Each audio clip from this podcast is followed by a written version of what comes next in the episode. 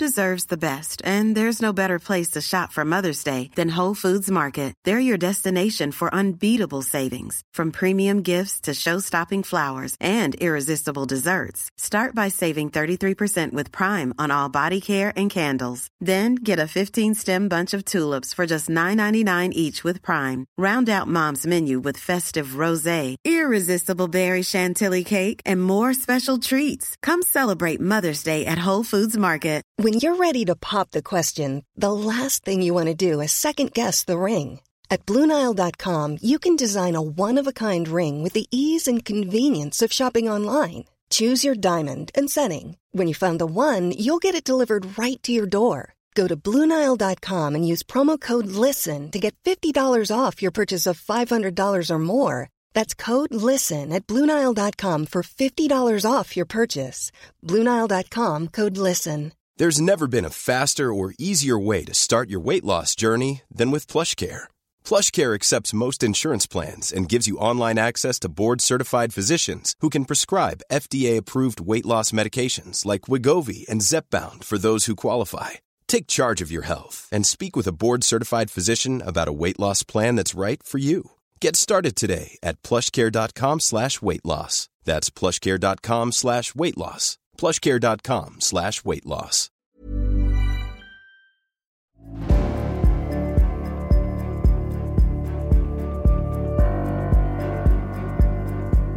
Aydin Darshini är entreprenör och driver Sveriges äldsta aktiva varumärke inom hampaförsäljning. Men att sälja hampa i Sverige har inte varit så lätt som man kan tänka sig. Välkommen till podcasten Samtal Aydin. Tack så mycket. Tack så mycket. Tack för att jag får vara med. Det är jag som ska tacka. Nu eh, måste jag börja med att säga förlåt till alla lyssnare som för första gången i världshistorien eh, sedan jag startade den här podden fick eh, vänta en vecka med ett samtal. livet hände. Jag fick en vattenläcka och behövde fixa den och sen, sen stockade allting upp sig. Men nu är, nu är jag tillbaks igen. och jag har tidigare haft eh, lite samtal om det här ämnet, men då har det mest varit eh, cannabis eh, i sig. Också cannabis, alltså det, då, då tänker jag mer på drog cannabis. Mm. Eh, men du sysslar ju bara med eh, livsmedel cannabis, alltså det vill säga hampa, industrihampa. Ja, jag tror att, att säga att det bara är livsmedel kan ju bli lite... Jag, jag tror att man får, man får bredda det lite. Det är ju egentligen... Bara för att ge en, vad ska man säga, jag får ta det från början. Alltså inom EU så har vi ungefär 70 sorter, det är en lista med olika sorter av, av cannabis som vi kallar för eh, hampa, EU-godkänd industrihampa. Och den listan ändras, men de som stå, finns med i den listan, de får du beroende på vart du bor inom EU använda allt ifrån som en jordbruksprodukt till kosttillskott, till livsmedel. Och, och, samtidigt så finns det en hel industribit av det också, där folk gör tusentals olika produkter av, eh, av, av växten. Men jag jobbar med de lagliga varianterna om man säger så. Eller de, de som för tillfället är lagliga jobbar jag med.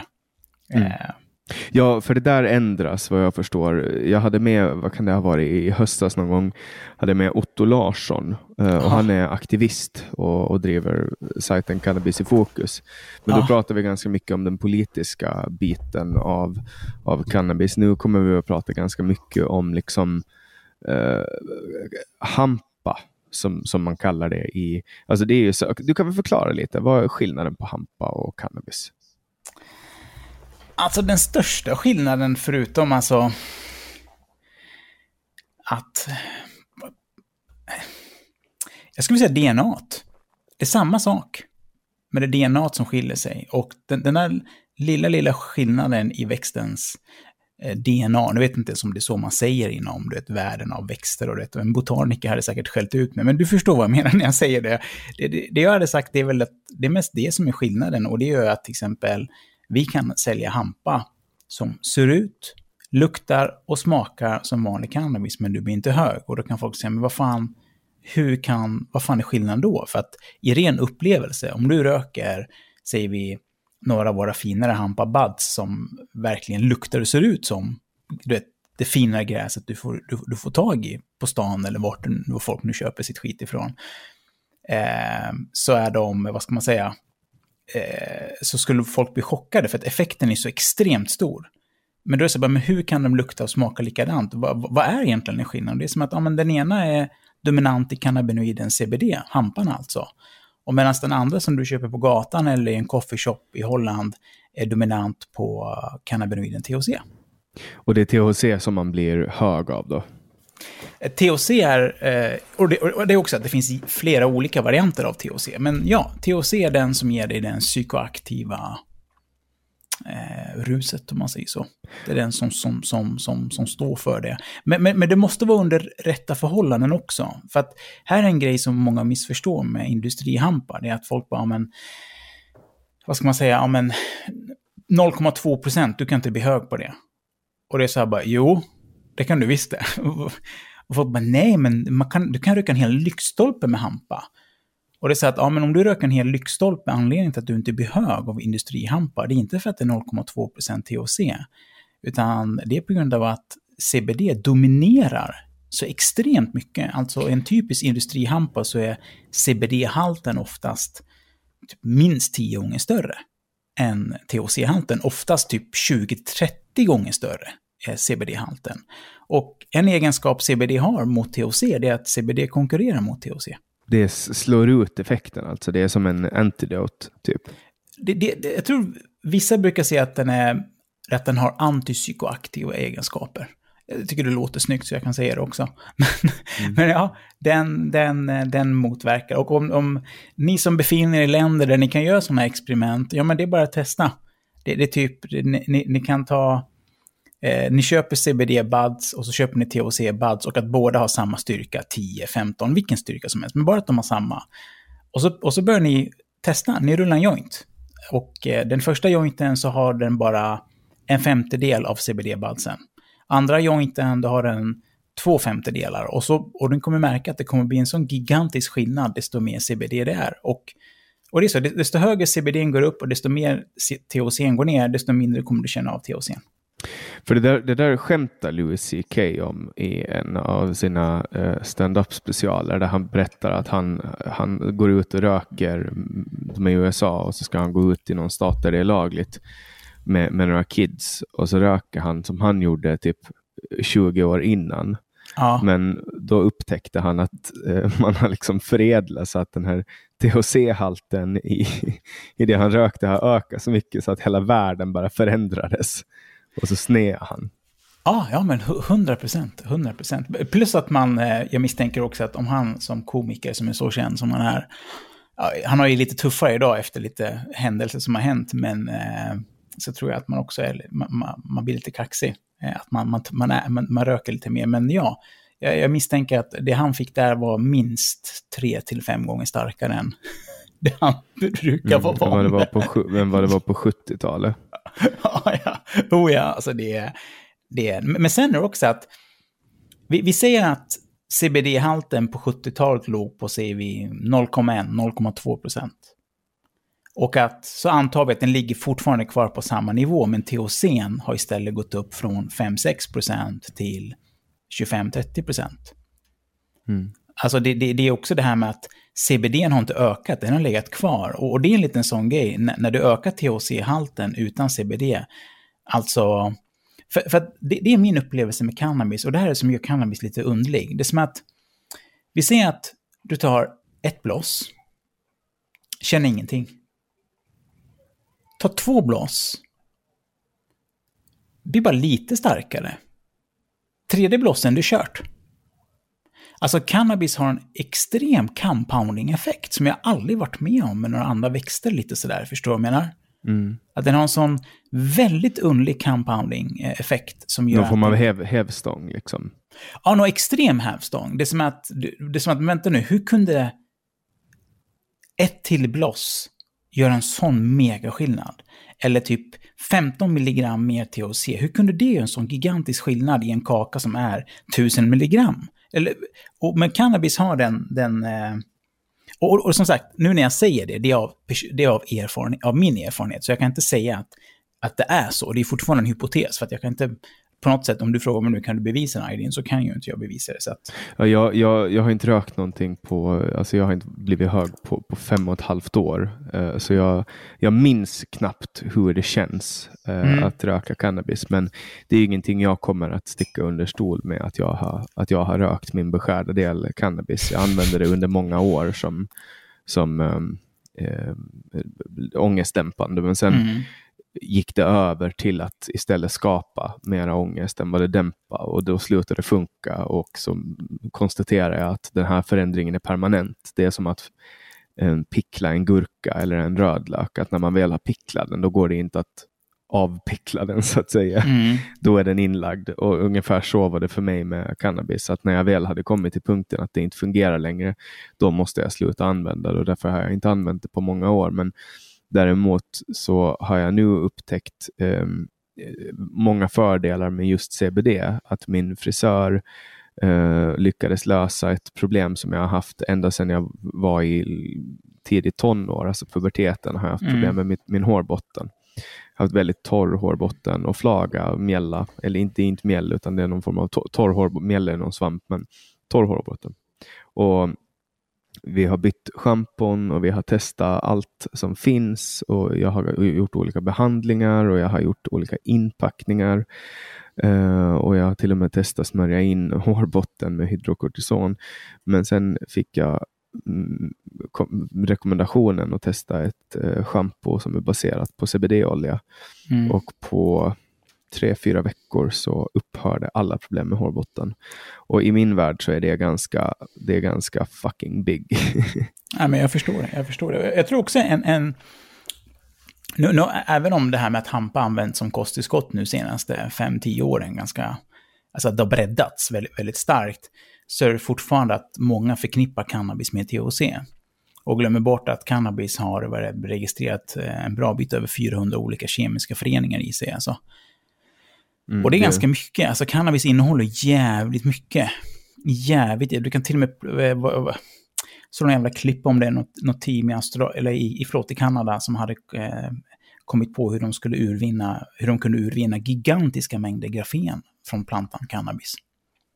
Ja. Så det, det, det, går att, så att, eh, men, men det jag vill säga med det, det är inte industribiten, utan det är allmänt inom vad folk kallar för hälsa, kosttillskott, livsmedelsbiten, att cannabis kan användas för väldigt många områden. Alltså det är inte bara att bli berusad, och som du tog upp nu, det här med, med schampot.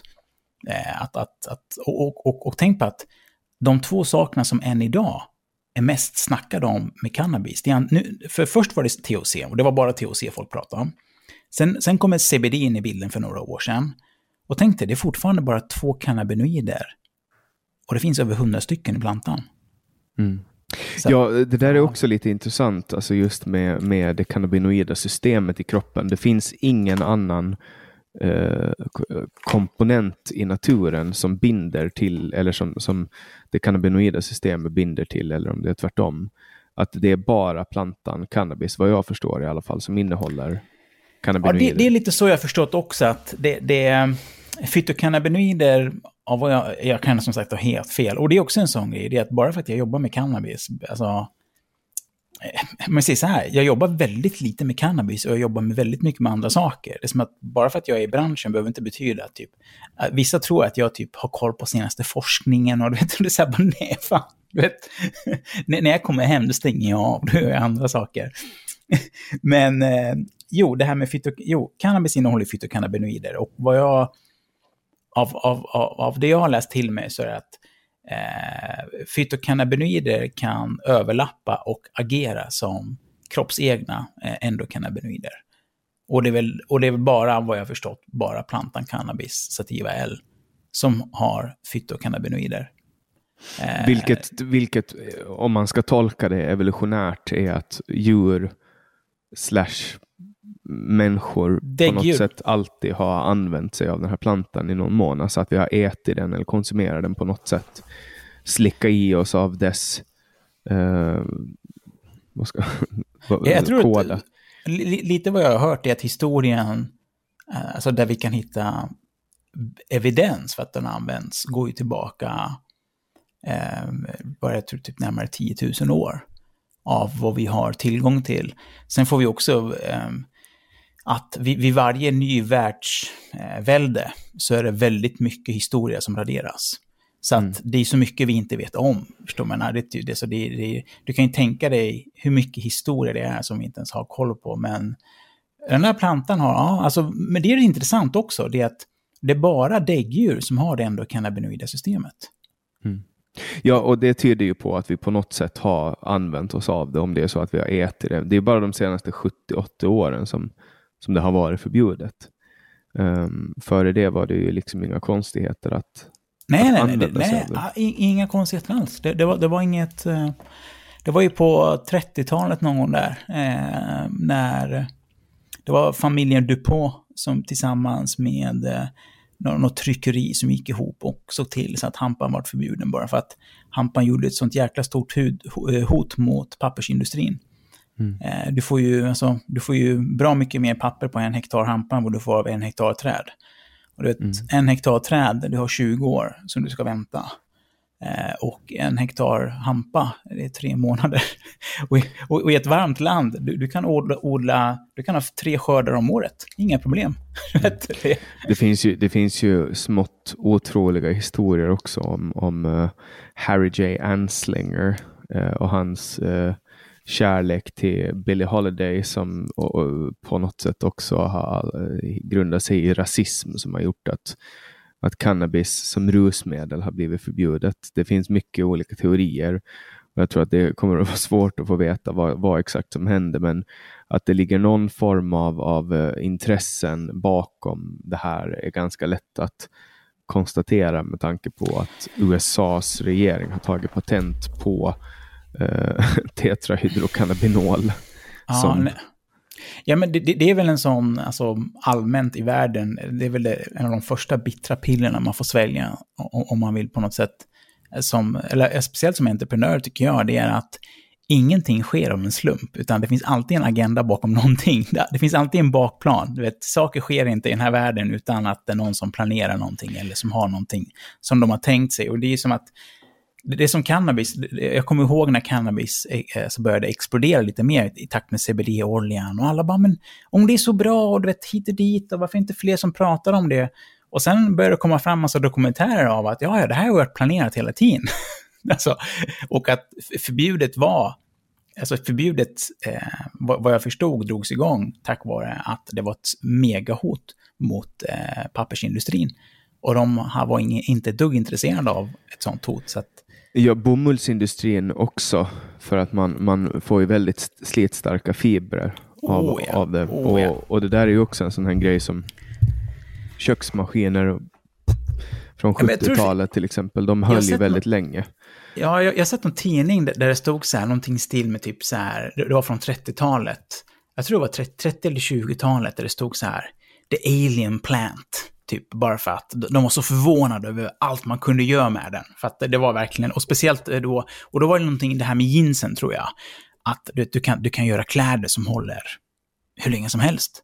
Det, alltså det, det, det, de är sjukt starka fibrerna i hampa. Otto berättade när han var med i, i podden om byggblock som man kan, som ja, man kan ja, göra. Ja, vilket är i min värld det är ganska häftigt att man liksom kan eh, man kan bygga hus med det, man kan bygga kläder med det man kan, man kan göra väldigt mycket mera än bara konsumera det som, som kosttillskott. Men genom, genom din hemsida Nordic Medcan eh, så, så har du olika produkter. Är det du som har utvecklat de här produkterna eller köper du in från färdiga? Alltså Budsen utvecklar ju inte vi, utan de köper ju vi. Men annars själva produktserien, ja men ja, det, det är jag, jag och Sofia och eh, Litauen-teamet som har legat bakom utvecklingen. Och det är allt ifrån, jag kan ta upp hemsidan här så att jag vet vad fan du snackar om. Eh, ska vi se här, eh, ny privatflik. Vad fan där? Det är så att ni har liksom, ni har allt från läpp, uh, läppfett som vi säger i Finland, ni säger läppsyl, till salva, till isolat, vilket jag utgår från proteinpulver då. Nej, isolat kommer ju från hampa. Ja, men inte någon form av proteinpulver. Ja, så. Jag tyckte du sa från proteinpulver. Ja, ja. ja jag bara, oh my god. Ja, det, eh, ja men det, det, ser ut som ett proteinpulver. Ja, 100 procent. Men det är det man använder det till, eller? som ett proteinpulver. Ja. Nej, alltså så som vi har lagt upp det på vår hemsida, för att vi, vi försöker, du vet, inte hamna i kläm med regler och sånt. Så att, eh, för oss, salvan, det, eller eh, isolatet säljer vi det för tillverkning av egna kosmetikaprodukter. Eh, och sen, Okej. sen, sen håller vi ganska tajt där eh, kring alltså, vad vi säger och inte säger, för det är väldigt hårda regler för att eh, CBD ligger under kosmetika och vi säljer massa kosmetikaprodukter, så att vi, vi uppmanar inte folk till någonting annat än det. Så att, och vissa, du kommer märka det under samtalets gång. Vissa saker så kommer jag hålla tillbaka lite på, bara för att det är långt. Det, det är som att jag har ett papper framför mig där det står så här, det här får du prata om, det här får du inte prata om, det här får du prata om. Och, så ibland om det är någonting jag inte kan gå in djupare på, det är bara för att det är en sån grej där advokaten säger, prata inte om det här. Så då, Just det, det kommer, det kommer en myndighet och, och tar dig om du säger något, om du gör någon form av health claim. Ja, exakt. E- Eller att jag börjar ge, måla upp en bild av att det kan vara något sånt. Och, och, och sen är det så att det, det sjuka är att först i början när vi fick reda på att det var så, då var vi skitförbannade. För att eh, vi, på den tiden när vi fick, eller när vi trodde att vi kunde säga vad vi ville, det funkar ju jättebra. Eh, och självklart, det, det gynnar försäljningen. Men, men sen efter att vi anpassade oss efter de reglerna, eh, så började vi sakta bli van vid det och på något sätt såg tjusningen i att inte säga någonting. För att då... Mm. Folk får göra sin egen research, så får de köpa produkterna och så gör de Exakt. det de vill med det. Exakt. ni kan inte kontrollera vad, vad de gör. Exakt. Men, men, inte bara att inte, vi, inte, vi inte kan kontrollera vad de gör, utan att jag märkte, alltså, det, var, det var tack vare att jag var tvingad av Läkemedelsverket att hålla käften, eller tvingad, det är, det är reglerna. Så att jag kan inte säga tvingad, det låter som ett jävla offer. Utan jag valde att följa reglerna. Alltså, och brö, skulle jag bryta mot dem, ja men då måste jag flytta utomlands och gömma mitt bolag från Läkemedelsverket. Och, det är inte ens intressant. Så ja, Du vill vara laglig ja, helt enkelt. Ja, ja, men faktiskt. Det, det, nå- någonstans är det så att, nej, men, följ reglerna. Och, så, och, och var uppfinningsrik. Eh, Men eh, ja, genom att vi någonstans klippte en bro som gjorde att vi tvingade oss själva att faktiskt leva efter de, de reglerna. Så efter ett tag började vi se att vänta nu, vi har haft fel hela tiden. Den här regeln är jättebra. För att hade, om, om du tänker så här, om så finns det någon butik idag du kan gå in i handla, vad fan det kan vara, där det inte finns någon sorts form av påståenden. Antingen visuellt, eh, då menar jag i bildformat, eller i text, eller ljud, eh, eller dofter. Tänk dig, folk försöker hacka dig hela tiden till att du ska göra ett köp. Och det är helt sjukt. Och det, men jag insåg inte det förrän vi accepterade reglerna för hälsopåståenden. Och, och att själv, vart, och det var då jag insåg, jag bara fan, det där är ju en jävla mega hjärntvätt. Alltså skulle, få, skulle det komma in regler kring det här, alltså de reglerna vi lever under, men, men nu är det så att det är inte bara att vi lever under de reglerna, utan vi gör det till en ytterlighet. Alltså vi, vi, vi, vi drar det som nazis, att ibland får vi utskällning av folk, för att de bara, men vad fan, jag har ju handlat av er i, ända sedan ni började, kan du inte bara säga det här? Och jag bara, jag vägrar. Du vet. Så ibland så kan vi få skit för det till och med också. Men, men det jag vill säga är att jag inser det nu. Det, det, det, det är helt fel. Och, och det skapar bara ett fårsamhälle. Eh, skulle vi ta bort det skulle hela, hela världen skulle förändras om folk skulle sluta med det. Och, och jag tror inte folk förstår hur mycket de konstant försöker uppmuntra till ett köp. Och då menar jag allt ifrån att det luktar gott i butiken, att de har speciella dofter, de har speciella, speciella vet det, lampor med olika nyanser för att väcka olika känslor. Du vet, musiken, texten, bild på någon vältränad kille som håller i den där tröjan, eller vad det kan nu vara för något. Förstår du vad jag menar? Att man blir Ja. konstant hackade. Så att den biten är jag skitglad. Det förändrade mitt liv helt och hållet. Eh, så det är tack Läkemedelsverket för den där gigantiska bunten med papper som vi, vi bara grät när vi såg den. Så vi skickade till våra advokater och bara okej, vad betyder det här? vi förstår inte. Men det är, många, det är många som har fått stänga ner sina eh, verksamheter för att de inte har kunnat följa de här många, många reglerna. Vad jag förstår. Det är att de inte har valt att följa Det låter ju ganska galet faktiskt. Nej, alltså på ett sätt inte. För att jag förstår dem på den andra sidan också. Det, det, det är ju det som är grejen, så att jag förstår de som bara vägrar och bara... eller jag har faktiskt kompis med en av dem som typ, nu har de till slut hittat ett, ett bolagsnamn och ett förhållningssätt där de kan hålla det stabilt, men ett tag där, fan vad de bytte bolagsnamn och orgnummer fram och tillbaka och höll på. För att det var alltid någon som var ute efter dem. Men på ett sätt, jag förstår dem, men bara för att jag förstår dem betyder ju inte att det är den väg jag hade gått. För det är inte den väg jag gick, mm. utan jag, jag var den som valde att, nej men, eh, vi stannar kvar mitt i Falköping och överkommer, våra, du vet, överkommer rädslorna, överkommer problemet. Och slutar med att de mm. till slut stänger ner bolaget, ja men, då har de gjort det, men vi kommer säkert lära oss någonting jävligt bra av det. Så vi valde att stanna kvar och, och bara följa reglerna. Och, och inte bara följa reglerna, utan att, eh, att eh, verkligen vara sjukt, sjukt, sjukt duktig på varje punkt. Så att... mm. För jag menar, går man in på hemsidan och kollar vad ni har för produkter så säljer ni ju allt från liksom uh, hampa blommor till, till vågar, till ryggsäckar gjorda i hampa, till bångar som man kan röka ur. Uh, och, och, grinders som man kan grinda med. Men sen säljer den också en bok, ah. Livet inifrån ah. och ut, som handlar om om någon som har... Det, det, det kommer lite fler mm, sådana roliga böcker, kommer det. Vi har bara varit slöa, ja. men... Uh... Så att det talar ju sitt eget språk, men här kan man köpa en pipa. Ja. Det är så här, oh. det, man, man, man, kan ju lite förstå uh, vad, vad det är tanken att man ska göra med de här grejerna, men ni säger inte att de ska rökas. Nej, utan för oss är det mer av att vi lägger upp det kunderna vill ha. Och sen finns det en gräns ibland. Till exempel, vi, vi, du vet, det finns ingenting vi lägger upp som, eller jo, förutom böckerna då.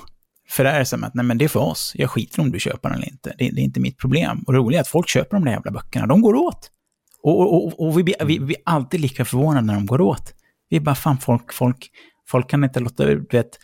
Och, men det är böcker som, som för oss har varit eh, väldigt, alltså som har påverkat oss väldigt starkt i, i, i våra liv och gett oss annorlunda perspektiv. Men de saker vi har, det, det är saker som, som bångarna det är folk som har frågat om evigheter, men jag bara nej, jag tänker inte sälja knarkiga bångar. Jag är ledsen kompis, det finns inte en chans. Ska jag sälja en bång, då får det fan se bra ut alltså. För... Mm, det ska inte vara något så här med någon med, med massa plantor på så här Nej, nej, nej. Alltså, men så här, tänk dig, vi får ju besök varje år av, av Miljösamverkan i Skaraborg som ska se till så att vår livsmedelslokal följer upp till standarden. Och du vet, det, det, det är att, du vänta nu, tror du verkligen att, att jag tänker låta dem komma in eh, och, och det är en massa eh, eh Bob Marley-bångar som...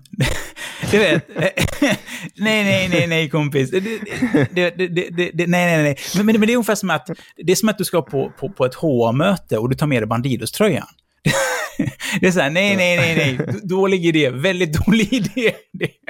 Och det är lite samma sak här. Och, och Eh, men, jag tycker om det. Jag, tycker om att vi väntar tills vi till slut fick både ett vettigt pris och att vi fick eh, bongar som såg jävligt fräscha ut. Och, och nu efterhand, alltså vi säljer nästan ingenting av bångarna, så jag är så jävla glad att vi väntade och att vi tog in snygga istället, för då kan de stå där och så kan de fräscha upp hemsidan istället. Förstår du vad jag menar? Ja, alltså man, kan ju gå, man kan gå till en helt vanlig tobaksaffär, liksom, exakt, i vilken hörn som helst, vilken gata som helst i Sverige så finns det att köpa liksom, knark till. Ja, exakt, exakt. Så det är... Så ja, vi, vi har lite allt möjligt. Vi, vi, har lite allt möjligt. Vegetabiliska kapslar, man kan laga egna kapslar. Ja, det är jävligt många som gör det faktiskt. Fan vad mycket folk ja. det är som, som, som gör eh, sina egna kapslar alltså. Det... Ja, eh, min, min kompis Jonas eh, har pratat om att laga leverkapslar. Mm. För att det är många som har svårt att äta lever, men det är väldigt bra. Mm. Jag har köpt lever av honom nu. Och jag ska försöka lära mig äta nötlever. Jag är ju helt carnivore, jag äter bara kött mm. Efter min hundra dagars fasta. Men om man inte lyckas lära sig äta lever, då kan man alltid liksom man, man torkar ner den på något sätt, eller frystorkar den och så stoppar man in den i kapslar. Ja, det, det finns till och med färdiga sådana att köpa. Ja, men när man kan laga det själv med åländska kor. ja, men ja, faktiskt, faktiskt, faktiskt, faktiskt det är det. Men, men, jag, men jag föredrar hellre att äta det, eh, vet, bara så kolgrill, lever. Men det är också en sån grej, du vet, jag, jag är upp, uppvuxen i Iran, så att eh, för mig lever, du vet, jag har inga problem med att ett kilo lever bara rakt upp och ner. Det, det, det är inget Men, men, konstigt. hur gammal var du när du kom till Sverige? Då? Eh, fem och ett halvt eller sex, någonting där omkring var jag. Okej. eh, men det, då, är det, då är det inte nöt, utan det är väl får man äter mycket där, eller? Det är väldigt mycket får. Ja, Fårlever. väldigt mycket får. Ja. För den har, den har en mildare smak vad jag förstår än nöt. Jag har inte kommit så långt att jag har börjat... För att i Sverige har jag börja- bara av, i vuxen ålder, när jag var yngre, det vet jag inte, fan, de gjorde ju allt möjligt alltså. Eh, det, var, det var så du vet, det, det, det, var, det, det var ingen ovanlighet att man vaknar upp mitt på natten och så hör man inte något som kokar i, i, i köket och så går man in dit så är det en megakastrull och så öppnar man upp den och håller på att bajsa ner sig för det ligger en så här, en, en, en, en, ett huvud där och kokar över natten, du vet. Det var, så att, men, men jag vet inte vilket jag fick, men, men i vuxen ålder, när jag, för nu kan jag minnas det lever jag har ätit och det har varit nötlever, men det har inte varit något problem.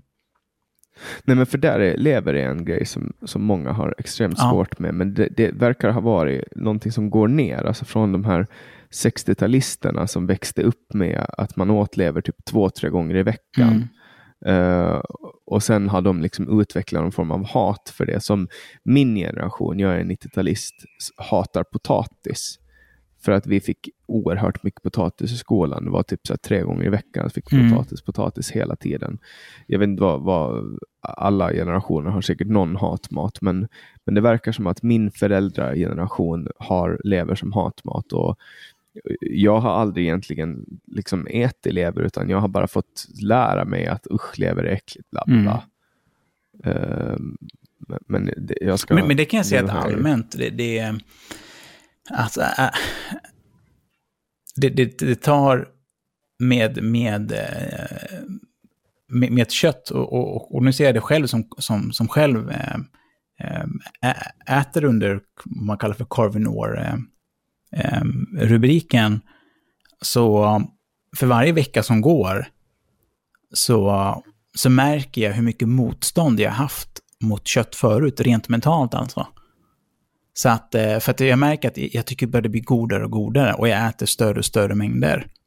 Alltså idag, det går inte ens att hitta en dag där jag ligger under ett kilo kött om dagen. Och, då, och jag vägde mig nu senast och då väger jag, vägde jag 73. Och eh, går jag ner 5 kilo, då är jag, då är jag under, eh, eh, då är jag runt 8-9 kroppsfett. Så att, så, så att jag är inte stor heller. Eh, alltså jag är en väldigt liten person och, och, och det där, hungern ökar hela tiden och, och för varje gång jag ska laga maten så blir jag bara mer och mer sugen märker jag på att äta rått. Och då, märkte, och då har jag märkt, oj, vilken gigantisk psykologgrejs det är som har legat där. Att, att, att det, här, det här suget sakta aktiveras mer och mer. Och att man blir mer och mer... Och, och vissa fettbitar än idag kan jag få kvällningar när jag äter. Och, och det är lite konstigt, för vi fick, idag fick vi svål, grissvål. Vi hade köpt 30 kilo. Eh, så fick vi det idag och, och jag tog en bit i munnen och, och du vet, det fettet smälter i munnen, även om det är friterat. Det smälter ju bara rakt av i munnen på det när du har det. Det är som en godis sockerbit. Och jag sa till Sofia, fan jag blir både äcklad, så att jag vill spy, samtidigt som att det är gott och lite upphetsande nästan. Hon bara, men det är samma sak här. Så det är en väldigt konstig grej. Vissa fettbitar, jag, det var någon gång här för en månad sedan där jag fick till mig en kvällning av en så här riktigt tjock fettbit. Det, det var så här, och då märkte jag, okej, där tog det mentalt stopp. Ja, men det, det är också någonting som man har blivit upplärd. Ja, för mig har det där försvunnit eh, på, på något sätt nu. Jag har ju kört en 100 dagars vattenfasta som jag bröt bara häromdagen. Och eh, det enda jag har ätit sedan jag kom tillbaks då, så började jag äta igen, är rått kött. Mm. Alltså, dels för att det, jag åt ju carnivore innan jag gick in på den här fastan. Eh, och, men då var det väldigt mycket fokus på att jag liksom fokuserade på stekt kött och kyckling Mm. och så. Eh, och jag hade inte gått över så jättemycket på rått. Men efter 20 20-25 dagar utan mat så började min kropp skrika efter rått kött. Så det första jag åt var en råbiff. ja, det, ja. Och nu har jag, nu har jag bara, bara ätit rått kött. Och jag har inga problem. För jag vet liksom, jag har till och med träffat korna som jag äter. Igår åt jag väl typ 400 gram rått kött. Mm. Eh, bara rakt av från, från min kompis gård. Eh, det var liksom lite lök i, eh, lite vitlök och lite salt och lite peppar ihopblandat. Mm. Och så bara åt jag det rakt av. uh, lagar råbiffar och så vidare. Ja, det är det. Är det. Men det har jag också märkt. Jag sa det till Sofia här, här för, för, häromdagen bara, så att jag bara, fan, jag märker att mina, för, för jag äter jävligt mycket flankstek. Alltså det är flankstek och, eh, eh, vad heter det för något, biff. Det, det är för mig. Ryggbiff, ja, ryggbiff. Det, de, mm. de, det är en de, de två. Oh, wow, eh, det, det, det, kan jag äta varje dag. Men, men jag sa det så, biffen, den, den, tycker jag om nästan friterad. För, för där brukar jag krydda den som fan. Alltså jag älskar currykryddning. Currykrydda den och så smälter jag en massa smör och så får du ligga i kylskåpet och lufttorka typ två, tre dagar och sen kör du den i luftfritösen på högsta värmen och bara typ fritera skiten. Det, det, det är som godis. Men annars, flanksteken har jag märkt att jag, jag tycker om det blodigare, blodigare. Alltså det är det, det, och jag sa till Sofia och jag bara, vad fan, jag kan lika gärna ta och äta det, du vet, eh, rått, vad, vad, håller jag på med? Varför, varför kör den och, och drar massa el? Jag kan lika gärna bara äta den rått, för att jag tycker ändå om den när den är så blodig. Det, det... Ja, så vet man, vad, vet man liksom ursprunget på, på köttet också. Så jag menar, tartarbiff, biff tartar eh, eller råbiff, det är liksom eh, det, det, är en jätte, jättepopulär förrätt. Mm. En av de mest populära förrätterna som finns, gissar jag. Och det är liksom, det är lite lök, det är lite kapris, det är lite eh, typ persilja mm. och dijonsenap och sen är det rått mm. kött. Nej, det, det är jävligt och, nice. Det är... Ja, men det, det är fantastiskt. Och nu, nu har jag, jag tycker att det är jättefint att laga den på eh, olagad rostbiff. Mm. Alltså otill om man tar det, den detaljen. Liksom. Um, men sen kan man ha en detalj med mycket fett. Jag menar, nötkött är inte farligt. Köper man svenskt nötkött så är det inte farligt att äta rått. Och det är faktiskt ganska bra eh, för kroppen. Ja, alltså, men jag börjar dra mig undan mer och mer eh, från svenskt kött. Jag, jag, alltså, eh, det, det, alltså, svenskt kött för mig, då ska det vara från en bonde. Eh, jag, jag, ja. jag litar inte ett dugg. Varje gång jag köper fucking svenskt kött på Ica, samma sak, blir dålig i magen. Och, och, och sist hade jag kört sitfläsk. Och, och då är det sitfläsk som, som ingen salt, ingenting på den, utan det är bara skivat sitfläsk. Eh, inga tillsatser, nitrit, ingenting alls. Och, och fy fan alltså. Jag hade till och med ont i knäna dagen efter. Och jag bara, ja, nej, alltså, jag, jag bara, jag what jag the jag... fuck har de haft i den här jävla grisen? typ, vad fan är, det här för något? Och typ allmänt på svensk, eh, så att jag har hittat min grej faktiskt. Och, och min grej, det, det, är, alltså, antingen, eh, det är som att hälften av allt kött vi köper kommer från en bonde här i Vanköping och resten av hälften bara för att annars blir det för jävla dyrt, för att vi tycker om att äta mycket kött. Det, det köper vi varumärket Prime på Willys. Det, det, vi har, och jag kan äta hästmängder av det. Det det är gräsbetat från Irland. Och fuck me, jag kan äta hur mycket som helst, får inte ont någonstans eller blir dålig i magen. Mm. Ingenting. Det, där, det är för övrigt en väldigt bra indikator. Alltså att man känner själv i kroppen. Som att jag, jag körde den här vattenfastan, ja. den här oerhört, oerhört extrema vattenfastan som självklart kontrollerades av en läkare och som jag inte rekommenderar någon att göra. Men um, då var folk så här, åh det där är farligt, åh du kommer att dö, du kommer att må jättedåligt. Och jag kände i min kropp, så här, min kropp säger åt mig så här, ja idag mår jag mm. bra. Och då känner jag liksom i kroppen, så här, när jag börjar med den här vattenfastan så hade jag handledsskydd och jag kunde inte lyfta mina axlar på grund av impingement. Mm.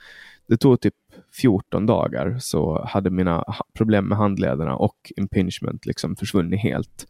Eh, och, och, Det enda jag kan koppla liksom, de inflammationerna till, för det är någon form av inflammation mm. i lederna, eh, det är maten. Mm. Så det är svårt att säga vad det är för mat eftersom jag äter ganska mycket varierat. Men eh, nu får jag ju möjligheten att liksom introducera en produkt i taget och se hur kroppen mm. reagerar och bara lyssna på vad kroppen säger.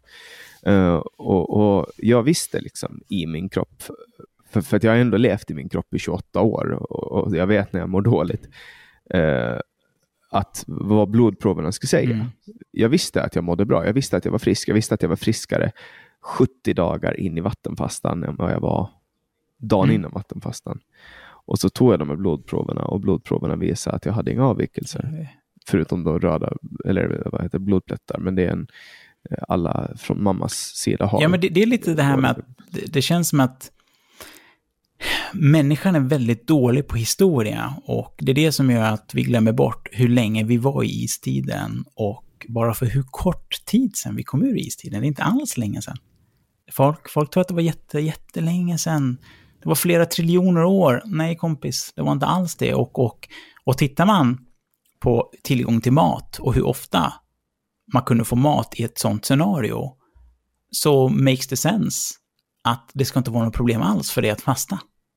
Utan, utan tvärtom, när du fastar, men du vet ju själv, man blir så jävla skarp. Det, det, Ja, ja. det, det, det, det, det, finns, det, finns, finns ingenting. Det, det, är som, ja, men det är faktiskt som eh, riktigt, riktigt bra droger utan sideffekter. Det är vad du kan få gratis när du fastar. Alltså när man snackar Ja, om alltså, det finns skärpa, allt, om man säger så. Ja, ja, alltså det finns ju en anledning till att varje religion som någonsin har funnits inkorporerar fasta på något sätt. Eh, och vissa mer eh, extrema än andra. Jag menar att nere i Mellanöstern där det är liksom gassande 40 graders sol i öknen. Mm. 45 grader, liksom inte äta eller dricka på hela dagen. Det är ganska extremt. Eh, om man jämför med att köra Ramadan uppe i, i Skandinavien. Eh, då är det liksom vä- väderförhållandena skiljer väldigt, väldigt mycket. Mm. Och sen finns det ju den kristna fastan. Det finns ju de som fastar i 40 dagar, precis som Jesus. Alltså Jesus fastar. Mm. Och, och sen finns det ju liksom inom de österländska fjärran öster-religionerna eh, så fastar man ju också väldigt Mm. mycket. Och på olika Jag, sätt. jag hörde en sån och, rolig, ja, av polares polare som gick, var med i något kyrkgäng och sa Ja, men vi fastar, jaha, jaså, ja, vi fastar en hel vecka. Jag bara, fan vad coolt. Församlingen, men det enda vi äter är frukt. Och jag bara, va? Jag, jag, jag bara, du, du kan, du kan inte fasta med insulinpåslag. Nej, man kan, då kan man, man kan ju lika gärna då fasta med Ahlgrens ja, men exakt. Du kan lika gärna dricka en Pepsi en gång om dagen istället för frukten. Det, det, du kommer få ett insulin på... Alltså, så det, det, var, det, var lite, det var lite roligt. Eh, med, Ja, så fastan, det, det är ju det som är att man bryter fastan med insulin. ja, insulinpåslag. Det, det är det. Ja, men med grejen att jag, jag kan tycka att du kan bryta... För jag vet när jag... eh, För innan jag gick på Carvinor, då var jag på keto och eh, Oman, en måltid om dagen. Och ett tag där så åt, så när jag drack grädde, för att, eller nej, när, för jag dricker ganska mycket kaffe och jag vet att min mage tycker inte om det jättemycket. Så att jag får hela tiden tänka efter hur mycket jag dricker. Och, och, men när jag har grädde i kaffet, speciellt när jag har grädde och kollagen, så funkar det så jävla mycket bättre. Men då hade jag alltid grädde i. Och så någon dag, jag bara, vänta nu. Jag tillsätter ju energi, även om jag inte får in insulinpåslag av gräddet, grädden, så, så tillsätter jag energi. Och när jag tillsätter energi, då behöver inte kroppen äta av sig själv. Så att jag långsammar bara ner eh, eh, processen i att gå djupare in i autophagy. Så då slutade jag med det. Och jävlar vilken fucking skillnad alltså, bara på en vecka. Holy shit! Det var, det var dag och natt, bara att ta bort grädden. Och, och, och, och, och tänkte då, då tog jag bort något som inte ger insulinpåslag, men det enda det gör är att du tillfälligt får in lite energi som du kan använda. Mm. Och det där är också lite intressant, alltså för att det, det finns ju alltså eh, man, man- upptäckte för inte alls så jättelänge sedan att man kan liksom fortsätta sin fasta om man, om man äter viss, ett visst fett, alltså medellångkedjiga triglycerider. Eh, som är alltså, triglycerider med, med två eller tre eh, fettsyror. Ja, du, du, du, du menar att man, man stoppar i sig fett som är i form, mer form som ketoner, eller? Ja, exakt. Alltså me- medel, medellångkedjiga triglycerider, MCT eh, ja. säljer de det som. Och man förädlar ofta då kokosolja eller palmolja. Och då ehm, eh, Bulletproof Coffee hade du säkert hört om. Eh, och, och det är liksom någonting som blev populärt. Och det var inte alls super länge sedan eh, som, som man kom på det här. Eh, att man kan tillsätta då MCT-olja. Och, och fortfarande vara i ett fastande tillstånd. Exakt. Och, och sen speciellt i kaffe. Att du tar det på morgonen och då kan du liksom skjuta i dig energi och på det sättet så kan du upprätthålla fastan längre. För problemet för många är ju att, att upprätthålla fastan. Mm. De, de kan inte göra det. Och kan du då, eh, då Dave, Dave Asprey, en författare som skrev The Bulletproof Mm. Diet, som först gjorde det här känt, men kan du maximera sannolikheten att du håller fastan, då kommer du att, på lång sikt få flest hälsofördelar. Så det här blev jättepopulärt och jag har själv använt mig av det. Hälla lite MCT-olja i kaffe på morgonen. Ah, vad cool. För jag, Och- och- jag, jag brukade köra minipass på morgonen. Så att eh, jag åt mitt sista måltid då, eller jag åt bara en gång egentligen, men... Får se nu. Vad blir då måltiden? Mellan, säg mellan 6 och 9, någon gång där åt jag. För att jag tränade innan. Eh, men när jag vaknade på morgonen, för att då hade jag experiment... Nu är det så att jag har ingen mätinstrument, så jag, kan, jag, jag vet inte ens hur man mäter i vilket steg jag autophagy man är i. Förstår man? Jag tror man måste ha ganska Mm, avans- det- det- eh, Ja. Autofagi får man ju räkna ut, det är typ 36 timmar efter att ketosen har inträtt. Och bara för att göra det, förklara för, för lyssnarna vad autofagi är, det är när du slutar äta och tillföra protein till kroppen, då går kroppen in i ett eh, tillstånd som heter autofagi, där som bokstavligt talat betyder självätning, där kroppen börjar bryta ner trasiga celler Mm. och gör om dem till aminosyror. Och aminosyrorna används sen för att bygga muskler. Eh, och nu, nu bygger man ju inte så jättemycket muskler när man inte äter, men du kan åtminstone minimera tappet av eh, muskelprotein, alltså att man inte bryter ner Ja, så muskler. första... Och det kommer här är intressanta. En, 60. gör du bara en enveckas fasta på vatten, så kommer du öka i muskel, Mm. muskelmassa. En, en, en, en, en veckas, för då hinner du inte gå så långt. Men du hinner fortfarande reparera. Så att det är... Ja, så man har ju kvar proteiner ganska Ja, länge. oh att, man, att man måste köpa en, en uh, sockerfylld proteinbar på vägen ut från gymmet, annars kommer man inte få några gains. Det är fucking bullshit. Ja, det är as fuck. 100% bullshit. Det, det, det är hu- 100. Ja, alltså det finns ju så mycket information som man kan hitta eh, som är direkt liksom inte felaktig men eh, missvisande som fan. Alltså, eh, man, man behöver... det, det, är, det, är jävligt svårt att hitta bra information därför att du kan hitta saker som är, eh, säger emot varandra. Alltså om, Oh ja, alltså det, det, det, det, det. Men, men, men det där är något som jag tyckte var konstigt. Och jag tror du kanske också upplevt det. För ibland när jag pratar med folk om det här ämnet. Jag bara, vänta nu. Jag kunde hitta det på, på, på Google och YouTube och litteratur hit och dit. Men fan, det är bara att gå och leta. Och, och jag märker att det är jättesvårt att, att ens hitta samma information. Förstår, eller förstår ja, vad jag menar? ja, ja, alltså Det- algoritmerna visar ju om, om, om du tidigare har varit intresserad av eh, vegankost, eh, Ja. då kommer du att få väldigt mycket vegankost. Alltså jag kör det, jag är väldigt oerhört öppensinnad när det kommer till att testa olika saker. Och jag Mm. körde liksom full keto vegan ett tag eh, för några år sedan innan, man ins, innan, innan det började bli välkänt att det inte går att, Mm. att vara det för att du får i dig så jävla mycket dåliga fetter. eh, Så att man blir så jävla inflammerad i kroppen. Jag var ju till läkare då. Den här läkaren sa så här, jag tog avföringsprover och, så bara sa läkaren till mig så att alltså vad du är, än du, är, ät, du äter så måste du sluta liksom, för att det här är inte bra. Du tar inte upp någon näring. Och så frågade hon, vad äter du? Och jag bara, "Jag är vegan. Eh, Och det var inte vad det hon var beredd på. Liksom. Eh, Men, där har jag själv fått testa. Sen finns det säkert de som mår jättebra på det. Min mamma har varit vegetarian sedan 80-talet och hon mår hur bra som helst på det. Men, men då under den perioden, då fick jag upp väldigt mycket eh, saker som bekräftar min bias. Att ja, men veganism är bra, jag åt någon jävla ärt och vete protein blandat och då åt jag faktiskt också då hampa protein. Men, men det smakar ju piss, alltså det smakar så jävla äckligt att få i sig de här jävla proteinerna. Alltså de här vegetabiliska. Och du måste ju ha tre stycken jätte icke biotillgängliga eh, olika proteinkällor för att överhuvudtaget kunna få i dig proteinen du behöver. Och så skiter man ut typ allt. Mm. När du, bara egentligen, du kan bara ta en bit rött kött liksom och så får du alla proteiner du behöver. Eh, men, men då i alla fall, det jag ska komma till var att då fick jag bara sånt som bekräftar min världsbild om veganism och att man ska dricka jättemycket rapsolja och så vidare. Och nu när Mm. jag är 100% carnivore, då får jag bara carnivore-reklam och bara sånt som bekräftar min världsbild. Ja, ja men det, det och, och, och så det är en, eh, alltså, och, och vad, vad det här gör, det här systemet också, det, det är väldigt fascinerande och det är att det här systemet minskar chansen för att folk ska ändra på sig. Visst, visst är det så. Och, och, Ja. sen, och sen har vi också det här med confirmation bias som gör att människor rent psykologiskt har jättesvårt att förändra sig.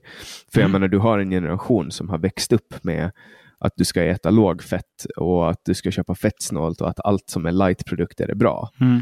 Eh, och, och, och så är det oerhört svårt att förändra det beteendet. Alltså det är egentligen Mm. bara att låta det paradigmskifte slå över i någonting annat. Men nu håller det på, tyvärr på att slå över i att vi ska äta liksom veganskt och man ska odla liksom svampar i stora cisterntorn eh, som man ska få att lukta och smaka som kött. Men istället för att bara äta bra kött. Ja, men det, det, och det är någonting som jag tror många missar, det är att desto, desto mindre kött vi äter, och sen också vilken, hur vi äter köttet. För att det, det här med industrivarianten, nej, det funkar inte. Men, så det, det, det är 100%. Industrivarianten kommer inte funka långsiktigt och det dödar ekosystemen.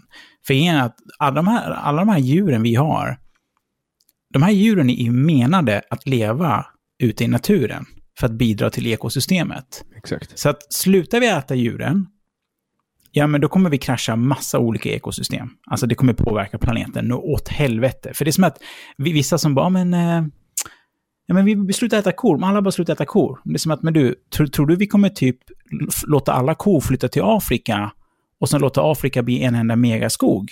Eh, va? Det funkar inte så. Vi har knappt plats för lejonen där för fan. Det är som att om vi slutar äta kor, då kommer kon försvinna. Den kommer bli extinkt. Det, det ja, och då kommer helt. ju oerhört många bönder som idag odlar spannmål för att mata kor med att, att eh, dö av svält. Ja, men, men det är inte bara det, utan de här, alltså, allt i naturen lever ju på varandra. Mm. Alltså de är inte symbios för att de tycker om varandra. Det är, det, det är sånt som tycker att folk bara, men fan, prova studera lite biologi så får du se att eh, det, det, det är inte så att de är kompisar, utan de lever på varandra. Det är rent egoistiskt. De äter varandra. Ja, Mm. ja, de äter varandra. Och, och så fort de inte behöver någonting, då dör den grejen helt och hållet. Det är inte så att naturen bara, ah, du, eh, ni är den här specialvarianten av myggor som är där borta. Vi behöver inte er längre, men det är lugnt, ni får en egen planet. Det funkar inte så, utan då, då, då dör de. Då slutar de existera. Och det är tyvärr så det funkar. Så, och, och det är som att ett system som har hållit på i, i, i miljontals år, med där växter och djuren konstant utnyttjar varandra. Eh, börjar du ta bort djuren, då börjar du få allvarliga problem. Men samma sak gäller också med industrin av kött. Det är inte så det ska gå till. Att de växer upp i en inomhusbunker någonstans, omringade av betongväggar. Eh, det funkar inte så, utan vi, vi, vi vill gärna att grisarna springer där ute och betar och äter och bajsar. Eller förstår vad jag menar? Exakt. Alltså jag, Ja. jag kan ju... Jag, jag vet inte om jag har berättat om det i podden förut, men jag har, jag har tre stycken um, matupplevelser som har varit alltså orgasmiska, som har varit på en nivå som inte går liksom att det går, det går inte att beskriva den. Det har känts i varenda cell i kroppen. Mm. Och, och den absolut bästa eh, matupplevelsen jag haft någonsin, det var när, när eh, min kompis då, Jonas, Hadnes Jonas, eh, hade slakta. Det var Mm. förra sommaren. Så han hade slaktat kor. Eh, det, var, det, var, det var kor som han hade slaktat. Det var inte tjurar utan det var kor. Och, och så, hade han sparat en jätte, alltså några, eller en stor bit entrecote till sig själv. Mm. Liksom. I normala fall så säljer han bort det, han och hans familj. Men den här gången har han sparat till sig själv och så, och så stekte han det och lagade. Med, det var bara salt och peppar. Mm. Eh, och så, så åt vi det. Och det var alltså den, Alltså jag upplever det än i den, jag får nästan lite tårar när jag tänker på det, för att det var så annorlunda. Det var så jävla bra. Mm. Det, och det, var, det var en, en ko som har levt liksom hela sitt liv ute eh, i Lämland på Åland. Eh, varit med sina kompisar, varit med sin mamma, eh, haft kalvar, levt bra liksom och bara ätit gräs och Ja. fått gå ute och inne hur den vill. Och liksom, den har haft allt den behöver och den visste inte om att den skulle dö. Och den andra upplevelsen, det var när jag köpte, och det var också på Åland, köpte julskinka från, från Nygårds skogsgrisar och det är grisar som får böka i skogen och leva fritt och de springer runt och de har så här oerhört mycket insprängt fett. Och den här, ja, vi hade tur som fick tag på en, en julskinka för att de var liksom uppbokade från midsommar men det var Mm. någon som inte hade hämtat sin julskinka och så fick vi ta tag på den. Det var typ julen 2017, 2018 kanske. Och det var också någonting när jag åt den. Det var liksom att det var nästan som att jag ville, jag ville bara sätta mig ner och tacka Gud. Alltså, förstår du? Det- Den där upplevelsen, en stor skillnad. Eh, och den tredje, det var, det var ett specialkaffe från kafferosteriet Koppar i Tyresö. Eh, ett colombianskt kaffe som det var som smakerna bara dansade runt på tungan. Och det där är ingenting som man kan få om man köper någonting som är liksom eh, vakuumförpackat i en fabri svettig fabrik någonstans och liksom indunkat i någon paketbil. Utan eh, det, är sån oerhörd skillnad på vad, vad har djuret ätit? Vad, hur, har, hur har djuret dött? Hur har djuret slaktats? Hur har köttet hanterats? Det är Ja, så oh många ja. komponenter som Oh spelar ja, in. oh ja. Och, och, Oh ja. och, och det, det bara säger sig självt. Liksom. Ja, men alltså det, jag tror att det, det, det, det, som är lite den bittra sanningen är att, nej, att, att vara en bonde, det är ett hantverk. Det, det, det, det, det, det är som att vara en konstnär. För att det är inte bara heller, för att vi, vi håller på att kolla på det i Falköping, även med vänner, men även fundera på att kanske köpa in oss på en gård där de har eh, djur. Och, och det är att bygga ekosystem där djuren roterar på varandra och tillsammans skapa ett ekosystem. För att det, det är någonting som är jävligt coolt med djur som du kan göra. Det är att du kan bygga ett ekosystem där marken aldrig blir tömd, där det växer som fan. Och du, du plockar ut typ 10-20 djur om året. Som du får plus. Det är, ett sånt, du vet, det är som så här evighetsgrejs. Och du kan hålla på så i tusentals år. Ja. Så länge du har vatten så kan det där ekosystemet bara fortsätta snurra på. Och det är så jävla, jävla coolt. Så att vi håller på att titta på det i, eh, speciellt på, vi har en vän till oss eh, som har en, eh, eller vi har ett, ett, ett par vänner som har gårdar, men en av dem har en gård där de faktiskt håller på och bygger så att de kan vara helt och hållet självförsörjande. Så nu, håller, nu har de precis installerat köttkaniner. Mm. Och jag försöker få dem att börja, eh, börja även och jobba med gris. Eh, för de har en jävla massa hektar mark. Men det är jävligt coolt. Det hade faktiskt varit kul att ha som, när vi är klara med Nordic Metcan, att, eh, att lära oss att bygga sådana ekosystem. Mm. Det, Ja, alltså, jag, jag känner en kille, uh, Johan Pensar. Han Mhm. kommer från Nacka och han köpte en gård ute i Roslagens skärgård och, och blev bonde. Liksom. Nu har han får. Mhm. Nu är det ju riktig månskensbonde, men, men han har liksom gått från att ha bott inne i stan till att liksom skapa det här. Och, och, och Jonas, då, som han är uppväxt på en, på en bondgård, uh, de har precis köpt ankor. Så nu har de Mm. ankor också. De har liksom kor, hästar, ankor. Eh, och, och det där blir liksom, alla djur bara lever tillsammans. Det, det är så jävla häftigt att se. Du vet, alla hundar och katter och alla bara springer tillsammans och bara är med varandra. Det är så jävla coolt. Alltså, och, och, och, det, och det är en sån... Jag vet inte, det, det är en sån fantastisk känsla av att kliva in i ett sånt ställe. Vi har, en av våra vänner här i Falköping har en sån gård med... Alltså de har lamer och allt möjligt skit. De har you name it. Så det, det, det, det är... Och, och, och, de, har ett, de, har, de har lite exotiska djur också som inte jag får prata om hur som helst. Men de, de har väldigt mycket coolt och det, och, det, och, det är så jävla coolt att se hur alla djuren bara kommer överens. Det är så här, det, det, är helt fascinerande. Det, det är, så ja, det, det, hade, det hade jag jättegärna velat ha. Fy fan vad kul det hade varit. Ja, men bara den grejen, tänkte, här i Falköping så bodde jag, när jag flyttade hit, så bodde jag först i ett litet hus eh, på landet. Och precis tre meter bortom mitt kök så ligger det, eh, står det hästar, två ponnys. Mm. Och, och, att, och, och 100 meter bort, då har du en massa kossor, du vet. Vi var ju omringade av, det var ju bara bönder överallt. Antingen var det häst, folk, hästfolk eller så var det bönder med, med, med kor eller grisar eller vad det kan vara för något. Men att få leva i den miljön, eh, så jag vet inte, för, mig var det i alla fall att gud vad, vad bekväm jag känner mig i en sån här miljö. Ja, alltså det, det är någonting, eh, tror jag, inbyggt i människan. Jag har ju alltid varit, liksom, jag har delvis växt upp ute på landet, men eh, det är först nu på senare år, faktiskt efter att jag började hä- hänga med Jonas, som, som jag har insett att jag har någon form av behov att bo ute på landet. Mm. Uh, alltså att jag vill vara ute på landet och, och, och, nu åker jag inte in till stan mer än nödvändigt. Nu har jag faktiskt bosatt mig. Jag behöver vara nära Stockholm. Men jag har bosatt mig ute på landet för att kunna köra in när jag behöver det. Liksom. För att det, där ja. var, det är lite som ett gift. Jag kommer ihåg hur det var när jag bodde inne i stan. Uh, det kunde gå liksom tre månader utan att jag åkte utanför tullarna. För att allting finns innanför tullarna och allt som liksom man behövde kunde man beställa på internet. Uh, och, och, och, och, så kändes det hemskt att lämna Stockholm för att det kändes som att jag var beroende på något sätt. Men sen kändes det alltid hemskt att komma tillbaks. Så, för det är ju så, så att när man lämnar ett beroende så är det alltid jobbigt. Eh, och, och, att liksom leva i den här urbana miljön, det är som ett gift. Det är inte meningen att vi ska göra det.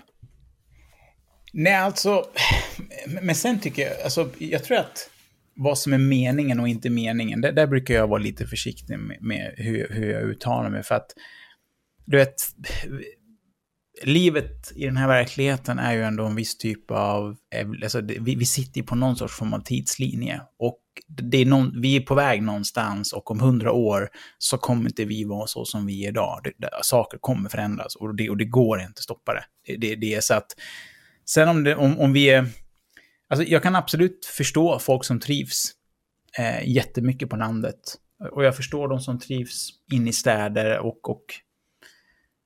Ja, jag vet inte hur jag ska säga där faktiskt. Det är typ... Allt har ju sin charm, men jag tror ändå att, att vi på något sätt som människor ska vara ute i naturen. Vi ska se det, det finns en anledning till varför, om man kollar på köpbeteende, alla vill bo nära vatten till exempel, de flesta i alla fall. Mm. Det är därför priserna är så dyra på strandtomter. Folk vill se vatten. Det är någonting som vi är trygga av. Ja, vi, om vi säger så här. Människans koppling till naturen, eller det vi kallar för naturen, är oundviklig. Den, den, den kopplingen är så stark så att det, det, det, det är sinnesrubbat. Det är som att bara ta vilken stressad person som helst, sätt dem framför en brasa så kommer de hamna i hypnos. Mm.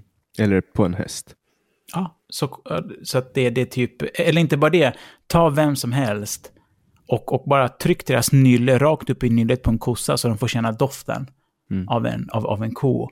Så kommer det bli en, en, en, en, eh, en, en, en hormonell reaktion inom dem. Någonting kommer hända. Eller bara den grejen av att lägga din hand på, på, eh, på, på bröstet på en häst.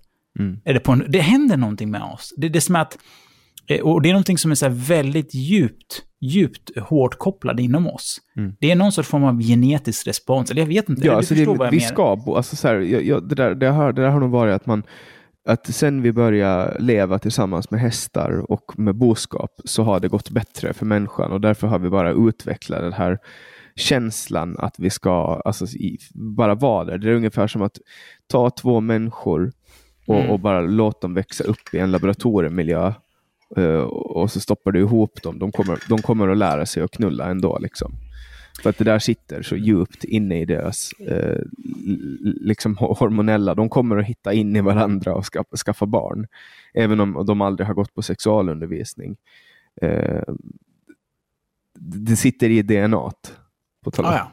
Ah, ja. Det, det, det, det, sitter i, det sitter i DNA. Och sen, men sen är det också, hade jag sagt, det, det som är att för varje gång det blir en större evolution på planeten, det kan vara att vi får en ny härskare eller vad det kan vara för något som händer, så är det alltid mega mängder av historia som försvinner. Så att det är det, vi, vi vet väldigt lite om hur det var eh, förr i tiden faktiskt, hur saker och ting har varit och inte har varit. Mm. Alltså vi vet väl det... mindre än en procent av mänsklighetens historia vet vi. Ja, är det något sånt eller? Det är, det är någonting sånt. Det är, ja, det, det, det är så vi, ofattbart lite. Det är så lite så att man men det är lätt att leva, alltså eftersom den historien som vi har tillgänglig så är det ja. väldigt svårt för en person att lära sig allt av. Ja, uh, och, och, en intressant sak faktiskt, på tanke på, för jag vet att vi, vi, vi, vi lämnar cannabis mer och mer ämnet med företaget, men det kan jag säga för er som lyssnar här. Eh, när, folk brukar fråga mig så ah, men cannabis, det är moder naturs bästa gåva till oss. Och jag bara, crackhead, fuck no finns inte en chans. Cannabis är en tidigare civilisation. Den är skapad. För mig är det 100%. Det finns inte en tvivel. Jag, jag, tror inte ett jäkla dugg på att plantan cannabis sativa L, det är moder naturs gåva till oss. Det är så här, nej, nej, nej, nej, nej. Det är människan som har skapat den. Ja, 100 procent. Mm. För det är ju samma med vetet. Så därför har ju människan har ju liksom tagit vete som har varit i princip inte innehåller någon näring överhuvudtaget och som man bara fortsatt förädla det. Ah, ja, och nu och innehåller det hur mycket näring som helst. Ja, det är Eller inte att... näring, men energi. Väldigt lite näring. Alltså frågan är till vilka...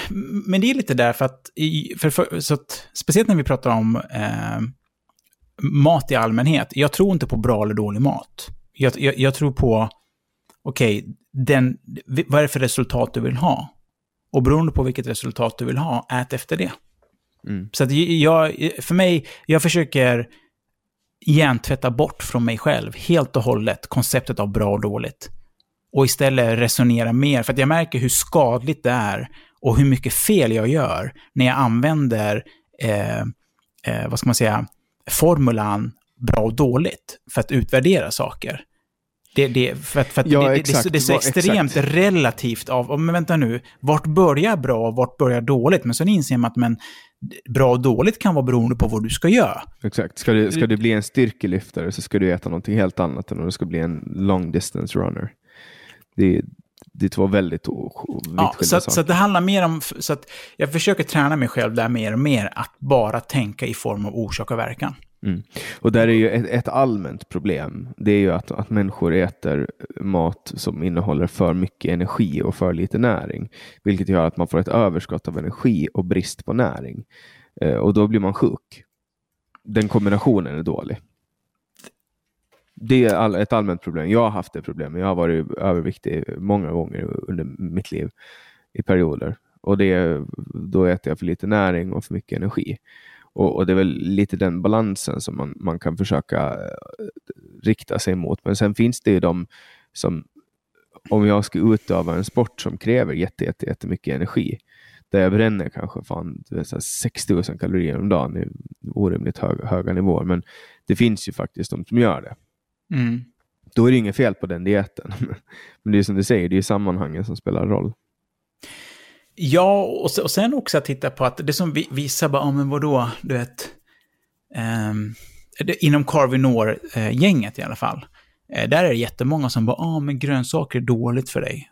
Och det är så här, e-, eller grönsaker har ingen näring. Och det är som, vänta nu, om grönsaker inte hade näring, hur fan kan kossan då leva på gräs?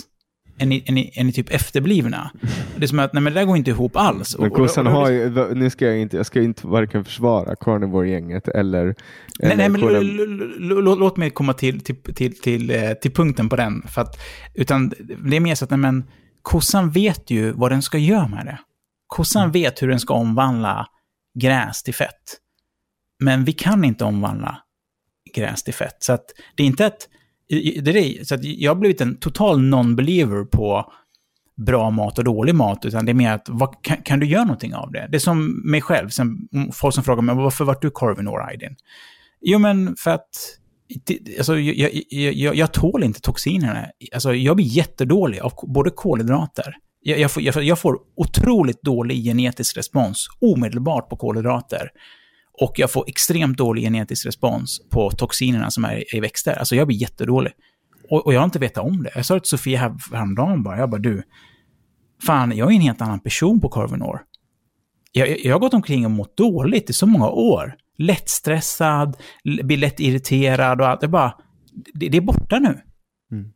Att... Jag, jag, har samma upplevelse. Alltså just det där med att jag, det fanns en period där jag åt oerhört mycket broccoli. Alltså mm. varje dag åt jag. Det var typ en, alltså jag åt så fruktansvärt mycket broccoli. Kyckling och broccoli, kyckling och broccoli. Och jag mådde så jävla dåligt. Och du vet, jag höll på att ånga. Jag hade en speciell ångmaskin som jag ångade broccoli med. Och det, det var mm. liksom mycket. Typ 400 gram om dagen. 400-500 gram om dagen. Och, och, och sen slutade jag med broccoli och insåg att fan, jag mådde dåligt av broccolin. Mm. Men då har jag läst studier som säger att broccoli är bra. Men min kropp säger broccoli är inte bra för dig, Jannik. Mm, nej, Samma sak, det, jag läste studier som säger att rött kött är dåligt. Ja. Men jag mår bra på rött kött. Då, ja. då ska jag äta rött kött. Alltså, alla människor är ju individer och det kan man inte ta ifrån. Det finns ingen diet som, som kommer att funka för alla. Nej, det, det, alltså, du vet. Jag, jag varit lite också Corvinor-nördig när jag väl kom in på det. Och, och innan ens jag skiftade till Corvinor så hade jag pluggat det jävligt länge. Och det, jag, kan inte, jag kan inte byta till någonting om inte jag fattar det. Jag kan inte bara göra det på ren disciplin. Jag måste förstå varför jag ska göra något och då kan jag göra det. Men, men, men det jag skulle säga lite där var att jag har också varit lite så här Corvinor-nördig, men sen insåg jag att nej men fan, det finns folk som kan äta vad som helst. De har alltid sexpack, de har alltid skitmycket muskler på kroppen och det är inte något fel. Och vet, vissa klarar det. Mm. Och då är det så här, bara, men fan, fan, ja, men fan vad kul. Ja, men get. Jag sa det till Sofia häromdagen, jag bara, men om jag, om jag, kunde, ä, om jag kunde leva på kanelbullar, typ vadå, tror att jag är dum i huvudet? Det är väl klart fan att jag ätit 20 kanelbullar om dagen. Men de, som kan, de som kan göra det gör ju inte. Jag har, jag har flera kompisar som kan äta precis vad fan som helst utan att gå upp i vikt eller ner i vikt. Men de slutar. Så här, de kan äta typ så här, en tredjedels pizza och sen bara, nej nu är jag nöjd och så stoppar de den i en doggebag. Ja. Men ja, det är ju där, antagligen därför som de ser ut som de gör. För att de slutar äta, de har liksom en botten. Ja, men sen finns det de som kan äta extrema mängder. Och äter extrema mängder. Ja, jag känner sådana också. Och, och det, de, de mår jättebra. Det, det är in, ingenting. Ingenting alls. Det är, här, det är helt otroligt. Så, så vissa, ja, men de, de fixar det. Mm. De, de, de fixar det, men där märkte jag för mig, och speciellt min pappa som fick eh, cancer i pancreas. Han fick ju diabetes samtidigt som han fick det. Eh, det gjorde mig ännu mer uppmärksam på kolhydrater. Alltså bukspottkörteln, det är ja. en av de farligaste cancerformerna. Överlevde yes. han eller? Nej, det är ingen som överlever det. Det går, okay, det går, för det, det... Ja, vad jag förstått, till slut så dör du. Ja. men, men, men, han, men, han, men, men han höll på jävligt länge, gjorde han. Mm. Ja, för, för att... Jag tror det tog tio år innan han dog från att han fick det. Eller från att de diagnoserade honom med det. Det tog nästan tio år innan han till slut gick bort. Han, han, han var jävligt... Och, och, och det sjuka med han var att han var ju ändå över 70 bast. Men det var att han svarade så jävla bra på... Eh, på cellgiftsbehandlingar för, för pappas syster. Hon är chef för ett sjukhus i Västerås. Och så sa det också, det är helt sjukt vad bra han svarar på cellgifter. Det, det, det, han ska inte svara så här bra. Men han svarar superbra på cellgifter och, och han, han, han höll ut, höll ut som fan. Klart, han var ju jävligt, det var ju skelett sista två veckorna, var ju bara ett skelett där ju. Så att... Eh, mm. Men, men alla har ju, alla har ju liksom en unik biokemisk sammansättning baserat på att man är unik som individ i sitt DNA. Och det mm. finns vissa människor som, som kan göra saker som andra människor inte kan. Alltså jag menar, bara kolla på, bara kolla på en sån liten grej som, som Freddie Mercury och, och, och att, att resonansen i hans liksom, eh, tänder ha, mm. skapar liksom möjligheten för honom att kunna sjunga på ett sätt som ingen annan människa kunde sjunga. Mm och, och, och, hans unika sammansättning av eh, specifika eh, ben och, och organkomponenter gjorde att han kunde hoppa steglöst från sin vanliga sångröst in i falsett. Eh, och jag menar, för, för, för, för en del människor så kommer det där att klicka perfekt och för andra kommer det inte att göra det. Och en del människor är ju skitsnygga till exempel. Fan vilken ja, tur de har. Ja, ja, men inte bara det, utan att Ah, det, det, är väl, det var faktiskt eh, doktor Drapid, eh, eller jag tror en professor också, eh, eh, en föreläsare. Han, han, har gjort en, eh, ni som lyssnar, eh, han har gjort en, en föreläsning som heter The Bitter Sweet Truth. Brutal eh, föreläsning. där han går in på väldigt tunga fakta och, och det var faktiskt han som introducerade fastan på riktigt för mig, eller som fick mig att verkligen ta det på allvar. Eh, men en sak som han tog upp det är att det här med att vi har länge förstått att jo, men maten väcker någon sorts form av genetisk respons. Det sa han att det var så vi resonerade för. Man sa att idag vet vi att maten du äter, genetisk respons, är fucking omedelbar. Mm. Och, så det är ju intressant, så att okej, okay, eh, så att det, det, det, det påvisar ju också att, nej men, jag har ju en helt annan genetisk respons till värme än vad du har. Mm. Men jag tror att det folk inte fattar, det är att du har en genetisk respons till de här sakerna. Och det var en grej som fick mig verkligen att förstå mer eh, eh, Drapids, han läkarens eh, resonemang. Ja, men det är ju, jag bara visst ja. Det är folk som är allergiker.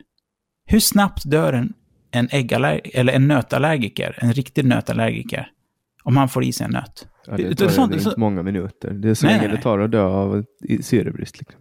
Ja, men det är som till exempel, har du, har du någonsin sett en, en äggallergiker få ett ägg i ansikte? Det har jag gjort. Ja, Jag har sett en äggallergiker eh, få ägg i en kaka och sen suttit på toaletten i flera timmar och spy Ja, på en fest. det, men jag såg en sån som fick det i ansiktet. Det var på födelsedagsfest. Eh, Niklas Johansson tror jag han hette, en gammal eh, kompis. Vi gick i, jag tror jag gick i femman, femte klass någonting. Och jag visste om att han var äggallergiker, för alla i klassen visste om det. För att han, om han får i sig det, han, han, han kan dö. Så, och så ska vi kasta ägg på hans födelsedag. Och, och det, så vi ska öka avståndet. Vi ska kasta ägg till varandra, så ska vi öka avståndet. Och den som lyckas få längst avstånd vinner. Och medan han gör det här, jag kommer ihåg, till och med när jag var skitungen där, jag bara, vänta, är det här så smart? Han är äggallergiker. Och jag kommer ihåg, jag sa det till några andra kompisar bredvid min klasskamrater, jag bara, är det här smart? Typ så här. Du vet. Självklart, äggjäveln smäller i nyllet på han. Och på en fucking millisekund, han ser ut som fucking elefantmannen. Och jag håller på att bajsa ner mig. Jag bara what the fuck? Du vet, och han bara skriker panik och du vet, du vet alltså, folk flydde ju hem. Folk var skiträdda. Du, vet, du går i femte klass, bor i Sandviken. Fan, inte fan vet du att någon kan transformera, transformera, transformeras om till elefantmannen på mitt... Men när jag kom, jag bara, han har rätt. Genetisk respons är omedelbar. Mm. Så varför ska inte vi ha en sån respons på miljö, värme, och det vet vi till och med med ljus. Beroende på vilket ljus du har så kan du bli piggare eller så. Ja, visst fan Ja. är det så. Det är ju därför LED-ljus är så jävla populära, för att det påverkar ju människors um, känsla. Alltså så här, Ah. Det är ju de där LED-listorna som folk sitter och håller på med, det, det påverkar ju. Oh, 100 procent! Det, det, det där är en... Jag, jag, har ju sån, jag har ju tre stycken sådana lampor i spots i, i, i, mitt, i, i mitt rum i lägenheten. Som jag ställer in på olika och... och ja, men typ vissa ljus, det kan inte jag somna till. Det går inte. Mm. Det, det blir jättesvårt att somna till dem. Så Nej, alltså eh, jag, jag, kom, jag, jag var ju 2014, så efter ett självmordsförsök så var jag inne på, på psyket. Jag var inlåst i ett år. Och då Mm. fanns det i taket i mitt rum så fanns det så här moodlight. Eh, och så fanns det en panel på väggen som man kunde ändra färg. Och, Mm. och det var första gången som jag liksom kom i kontakt med det där. Men, men, men det var liksom så här, installerar man det i taket på ett sjukhus så finns det antagligen någon form av ev- evidens bakom det. Ja, no shit. No, no, det, det, Och- så, Så, så att det var, man kunde ändra färg. Liksom. Så nu har jag, jag har LED-list hemma, men jag använder den sällan. ja, jag har det. Ja, jag har det. det jag har sådana LED spotlights och hela jävla datorn har en massa LED i sig också. Men, men äh, det, det, det är lustigt det där med genetisk respons faktiskt. Det är... Det är Ja, men det, och det, det är också så här, den genetiska responsen kan, vara, den kan ske liksom på, i tarmarna. Mm. Eh, utan att man liksom tänker på det själv, alltså så medvetet, att det sker någonting i tarmarna. Jag menar, nu, nu har jag börjat äta igen efter, efter hundra dagar utan mat och, och alla har varit så här, Åh, hur ska du kunna börja äta? Du kommer må jättedåligt i magen. Och nu har jag ätit liksom rått kött och, och, och jag är till och med förvånad själv över hur bra jag mår. Mm. Jag, har inte haft någon, jag har inte haft någon diarré. Jag har inte haft någon, några kräkningar överhuvudtaget. Jag var beredd på att jag skulle bo på toaletten och att jag skulle spy åtminstone eh, en gång. Mm. Men det har liksom inte, det har inte inträffat. Eh, utan jag har liksom kört igång magen med benbuljong, rått kött och, och sådana här mjölksyretabletter. Ja. Och, och min avföring är helt fast. ja. Och, och det är någonting som inte var fallet före den här vattenfastan. Jag kan tänka mig det. Jag kan... Eh... Nej, gud. Du, jag är intressant. Du, det tog, vi, vi lyckas snöa bort från det, men eh, det där ex, ex- experimentet jag hade gjort när jag var på OMAD, alltså på en måltid om dagen, det var att jag körde ett lätt gympass på morgonen. Mm. För att se om jag kunde, genom att dra igång förbränningen, om jag kunde kasta mig själv djupare in i autophagy. Det var som jag sa, att nu har inte jag mätinstrument så jag kan mäta ordentligt hur, hur mycket, men det vart en, alltså det där lilla träningspass på morgonen, det ökade fettförbränningen nå åt helvete alltså. Visst fan är det så. Du kan Alltså, ju, du kan, man kan ju få, jag har också, jag experimenterade jättemycket 2017, 2018. Där hade jag liksom 300 continual days på ketos. Där jag gymmade och då mätte jag eh, blodsocker och blodketoner varje morgon. Mm. Och då kunde jag se eh, liksom hur små sockerersättningar, eller inte ersättningar, men socker, jo men så heter det ju, alltså typ sötningsmedel och sånt påverkar Mm. mitt blodsocker. Men det, där kunde jag också eh, lära mig liksom first hand hur ketonerna, jag kunde vakna och ha kanske 3,5 millimol eh, beta-hydroxybutyrat per liter blod, eh, det vill Mm. säga beta-ketoner då. Och referensvärdet är du är i ketos någon gång efter ett, ett och ett halvt ungefär, då är man i ketos och förbränner jättemycket fett. Men, men sen kunna, liksom, eh, kunna gå och träna och då kunna liksom, eh, ketonerna gå upp till fyra. Men sen ibland då, om jag tränar för hårt, då, då kunna eh, blodketonerna helt plötsligt gå ner och blodsocker gå ut, upp jättemycket. Men det var ju gluko, gluko, gluconeogenesis då. Mm. Alltså att kroppen behöver få upp blodsockret och då bryter den istället protein och det är en negativ sak. Det är en jättedålig Mm. sak för att det är en mycket energikrävande process, då, gluconeogenesis. Eh, men men eh, om man tränar på fastande mage, jag kunde göra, jag kunde göra fucking rekord på gymmet. Mm. Alltså utan att ha ätit på, alltså att jag åt liksom klockan sex kvällen innan och så gick jag till gymmet klockan nio på morgonen och tog ett nytt eh, rekord i knäböj. Liksom. Mm. Eh, Nej, det där är jävligt fascinerande. Det, det, det, det, men, men det är väl egentligen en av de största chocken, det är att ingenting är vad vi lärde oss att det är. Precis, Verkligen. och, och för en del, och en del går det inte. Och en del kanske aldrig kommer att få reda på om det funkar för dem för att de aldrig kan bli eh, keto-adapterade. Alltså för att kunna eh, träna ketogent så behöver man adaptera sig och det tar liksom ett halvår. Eh, och de Ja, flesta lätt, kommer inte orka lätt. med det. Liksom. Nej, nej, nej, det, det, det, det. Men, men det var därför jag sa att, och det är lite den inställningen jag haft mot folk jag pratat med, som, eh, som, som jag ser både mår dåligt och står rakt ut och säger i ansiktet till mig att men jag mår skitdåligt så här. Eh, och, och, och jag bara, men ta och titta lite på det här och det här. Och så pratar jag om, om, om allmänt om att nej, men, prova att ta bort toxiner från växter och, eh, och kolhydrater och se vad som händer. Men då säger jag samma sak till dem. Det, det, det är just det här med att se inte en föreläsning och sen försöker du kast, byta din diet, utan plugga. Plugga, fortsätt plugga, ända tills du kommer till den nivån där det bara inte går att fortsätta äta som du gör. Ja, För då, kommer, för då kommer förändringen naturligt av sig själv. För det märker jag att folk har svårt för att bara, det, bara göra något för att någon säger det. ja, men och sen också förstå att man mår dåligt i början när man byter någonting för att kroppen inte är van. Alltså även om det, även om det är till någonting, någonting som sen visar sig att funka bra så blir det lite, man, man får ju till exempel när man går in i, ketos i början så får man keto-flu. Man mår, lite dåligt, man blir, får lite influensasymptom. Uh. Ja, men, men det kommer en till punkt där också. Och det är att eh, det finns fruktos i nästan all mat vi äter. Eh, och fruktos, det triggar ju samma belöningscenter. Alltså som, som, som många av de här tunga drogerna vi har gör. Mm.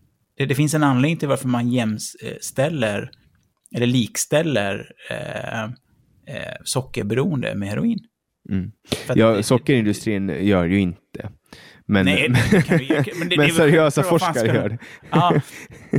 Det, det, och, och det är också att man, det, och det det jag ser, det är att folk har nästan svårare att sluta med maten som förstör deras liv och dödar dem, än att sluta röka en cigg eller sluta knä... Förstår man? Det, det, det, det är så ofattbart, men det var då jag insåg att oj, det, det, det är inte så lätt som man tror. Den där maten som de äter är, är även beroendeframkallande. Mm. Nej, men Alltså- där är, jag, jag kan ju first hand vittna om det. Jag, jag har ju ett extremt sockerberoende och eh, också en kompulsiv överätare. Mm. Eh, Två olika former av ätstörningar, men väldigt olika i sin uppsättning. Liksom. Men eh, jag slutar röka cigg och det är lättare att sluta röka cigaretter. Jag rökte i sju år. Det var lättare att sluta röka cigaretter än vad det är att sluta äta socker. Mm. För att socker är också någonting som är så fruktansvärt lättillgängligt. Tänk om, tänk om det fanns, liksom, om man som kokainist eh, skulle försöka sluta ta kokain och det fanns kokain överallt, liksom runt om Mm. en, på alla bord. Eh, eller som, som rökare på 70-talet där det var liksom cigaretter var jättebilligare och det låg så här etui med cigaretter överallt. Och ja. du, kunde liksom, du fick cigaretter gratis eh, i liksom reklamsyfte och sådana saker. Ah, så är det ju med socker nu och jag menar ah. den här lågfetthetsen har gjort att du måste få din energi någonstans ifrån. Och tar du bort fett ur en produkt så måste du ersätta energin. Och Det gör du genom att äta mer av en produkt som har lite fett, alltså mycket socker. Mm. Uh, för det är ju en naturlig sväng liksom, och du måste få i dig din energi på något sätt och då äter du mera socker. Och socker triggar insulin och insulin uh, är ett fettlagrande hormon. Uh, och... Men inte bara det, utan när, du, när du missbrukar insulin så, så kommer du förr eller senare få allvarliga jävla problem. Alltså det, det, det är ett tungt, tungt, tunga, tunga, tunga problem. Ja, och det där är alltså, om man, om man kollar på det, alltså, jag, för de som förstår motorer, så mm. brukar jag ofta dra en motorjämförelse. Och det har att göra med att har du en komponent i en motor som du använder väldigt, väldigt mycket. Säg till exempel att du um, ska ta för exempel men, din aircondition. Du använder din aircondition hela tiden och jättemycket. Då kommer den att uh, behöva bytas ut före du, eh, du kanske bara ska använda den tre gånger. Alltså nu, nu, nu ska man ju, om man använder en AC rätt så ska man ju använda den året runt och en bil idag klarar av att göra det. Men vi tar bara det som ett exempel. Du använder den tre, tre, tre månader per år, alltså juni, juli, augusti. Då kommer den att hålla mycket längre än om du använder den tolv månader per år. Mm. Av naturliga skäl. Och så är det även med bukspottkörteln. Bukspottkörteln ska reglera eh, blodsockernivån genom att skjuta ut insulin. Och om du äter jättemycket socker, då kommer du att skjuta ut jättemycket insulin och då kommer du bränna slut på din bukspottkörtel och då ökar risken för att bukspottkörteln slutar producera insulin och då får du diabetes. Mm. Och, och, och, och, där, där, kan man också ta jämförelsen med, med gluko versus ketodrift. Uh, och det, det standarden är att vi går på glukosdrift. Vi äter saker med socker eller med kolhydrater och så används då sockret som energi. Och Det är mm. som en bensinmotor som tänder väldigt lätt. Den antänder på bensinångor och det går väldigt snabbt att bränna upp det. Tar du ut bensinen och tänder eld på den så, så, så brinner det, kan, det exploderar och så vidare. Men dieselolja till exempel, lite tjockare, svårare att tända eld på. Men när du väl har fått igång den då kan du liksom stänga av strömmen på en dieselmotor och så fortsätter den puttra ändå. Mm. För att en diesel tänder på kompression, en dieselmotor. Men tar du bort strömmen från en, eh, det vill säga kolhydraterna från, från en, en bensinmotor, tändningen, då kan du inte tända, då kan inte bilen gå. Mm. Uh, och, och, medan du får ut jättemycket vridmoment och, och, kraft ur en dieselmotor så får du ut väldigt snabb och explosiv energi ur en bensinmotor. Mm. Och de där två påminner väldigt mycket om varandra och därför är det ja, ganska... Nu, nu förstår jag hur du gör. Ah, Okej, okay, så att den ena är ja, de som går på fett och den andra är de som går på kolhydrater. Ex exakt. Det, det, det, det, Men, men det, det måste säga att nu, nu efter två år av strikt ketogenkost och nu senaste månaderna med Carvenor så är det som att att du bara kan få den här explosiviteten från kolhydrater. Jag hade sagt, that's bullshit. Du kan... Du det, det, det, det, är min, men det är som sagt min upplevelse. Jag kan inte, jag kan inte generalisera och säga att det är bullshit för alla, men för, min upplevelse är att nej, det handlar bara om hur pass van du är att använda fett som bränsle under Precis. träning. Precis. Det, och, och det är ju också det tar en, tid, det är en adaptering. Det tar jättelångt. Ja, den adapteringen, den, den, verkar... För att jag märker att den blir bara bättre och bättre. Det var som jag slog... Eh, när jag var till Gävle, så min, min kompis Thomas har en, har en eh, han äger Söders Fighting Gym i Gävle. Och, eh, och så hans, hans ena unge, skön kaxig liten skitunge. Så kom vi in på det här med träning så här. Jag bara, jag ska snart ner och träna så här. Han bara, hur många armhävningar kan du göra så här? Jag bara, jag kan göra fler än dig så här. Och så utmanar mig. Jag bara, men då slår vi vad, tusen spänn. Och det var tusen spänn att jag skulle göra 200 armhävningar på tio minuter. Eh, och då var det en sån där platågrej, så att du kommer, du kommer högre upp. Det är en sån där, vet du det, som pinnar som du håller i som gör att du kommer upp en bit. Så att jag har inte händerna i backen, utan jag är uppe en bit. Så de blir till och med jobbigare. Och så jag lyckas göra 150 stycken på 10 minuter. Jag förlorade vadet. Men efteråt, jag bara holy shit. Jag har köttat 150 korrekta hela vägen ner med bröstet i backen och till och med med en förhöjning. Och jag är fortfarande laddad.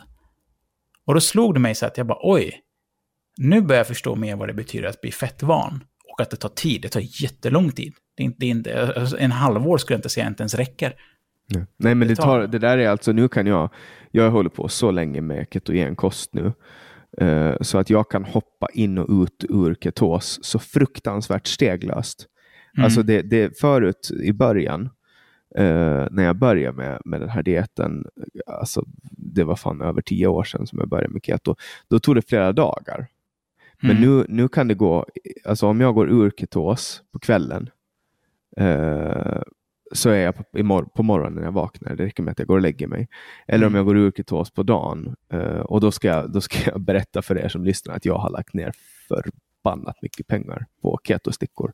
Jag sticker mm. mig i fingrarna så att jag har fucking, jag ser ut som en, alltså Knarkare? Ja, ja, fast knarkare tar ju inte genom fingrarna, men jag ser ut som en, jag vet inte vad på fingrarna. Men, men uh, jag har mätt oerhört mycket. Men jag mm. nu kan jag steglöst hoppa in i ketos utan problem. Och när man blir fullt ketoadapterad också, då kan man använda, man kan liksom tillsätta 15 gram kolhydrater, 15-20 gram kolhydrater och så kan du använda sockret och sen kan du steglöst hoppa in i ketos på nytt. Och, och, och Det har visat sig att ganska många elitidrottare använder sig av det här, men, men såklart berättar ju inte om att de gör det. Nej, för, för då får de ju dubbla kicken. Exakt, eh, men, men de vill ju inte avslöja sina hemligheter. Nej. Men, men, det finns jävligt intressanta studier på det där eh, som visar att, att keto är överlägset när det kommer till uthållighet. Eh, men att det borde vara det. Hypotesen är att det borde vara det också på sprint, men, men de man testar på vet om att de är ketogena, för de vet ju att de äter någonting som har jättemycket fettinnehåll och därför så mentalt tror de att de är sämre på sprint till exempel. Mm. Ja, för den mentala biten, alltså och, och, och det, för att ändå ge den mentala biten den respekt den förtjänar. Det var inte länge sedan att människor inte trodde på att du kunde springa en, vad är det? En one, one, mile. One minute mile. One. Ja. Eh, var det på fyra, det var, det var någonting som var på fyra minuter. Var det en engelsk mile eller? Ja, det heter ju one minute mile tror jag. Jag kommer inte ihåg vad sträckan var, men men, eh, men, men jag tror du förstår vad jag menar. Nej, four, four minute mile, förlåt. Ja. Eh, och det var ju alltså Roger Bannister, det var 1954. Ja. Efter det, då började alla slå det. Då var det inga problem längre. Ja. Men, men just hur stark en sån mental grej kan vara.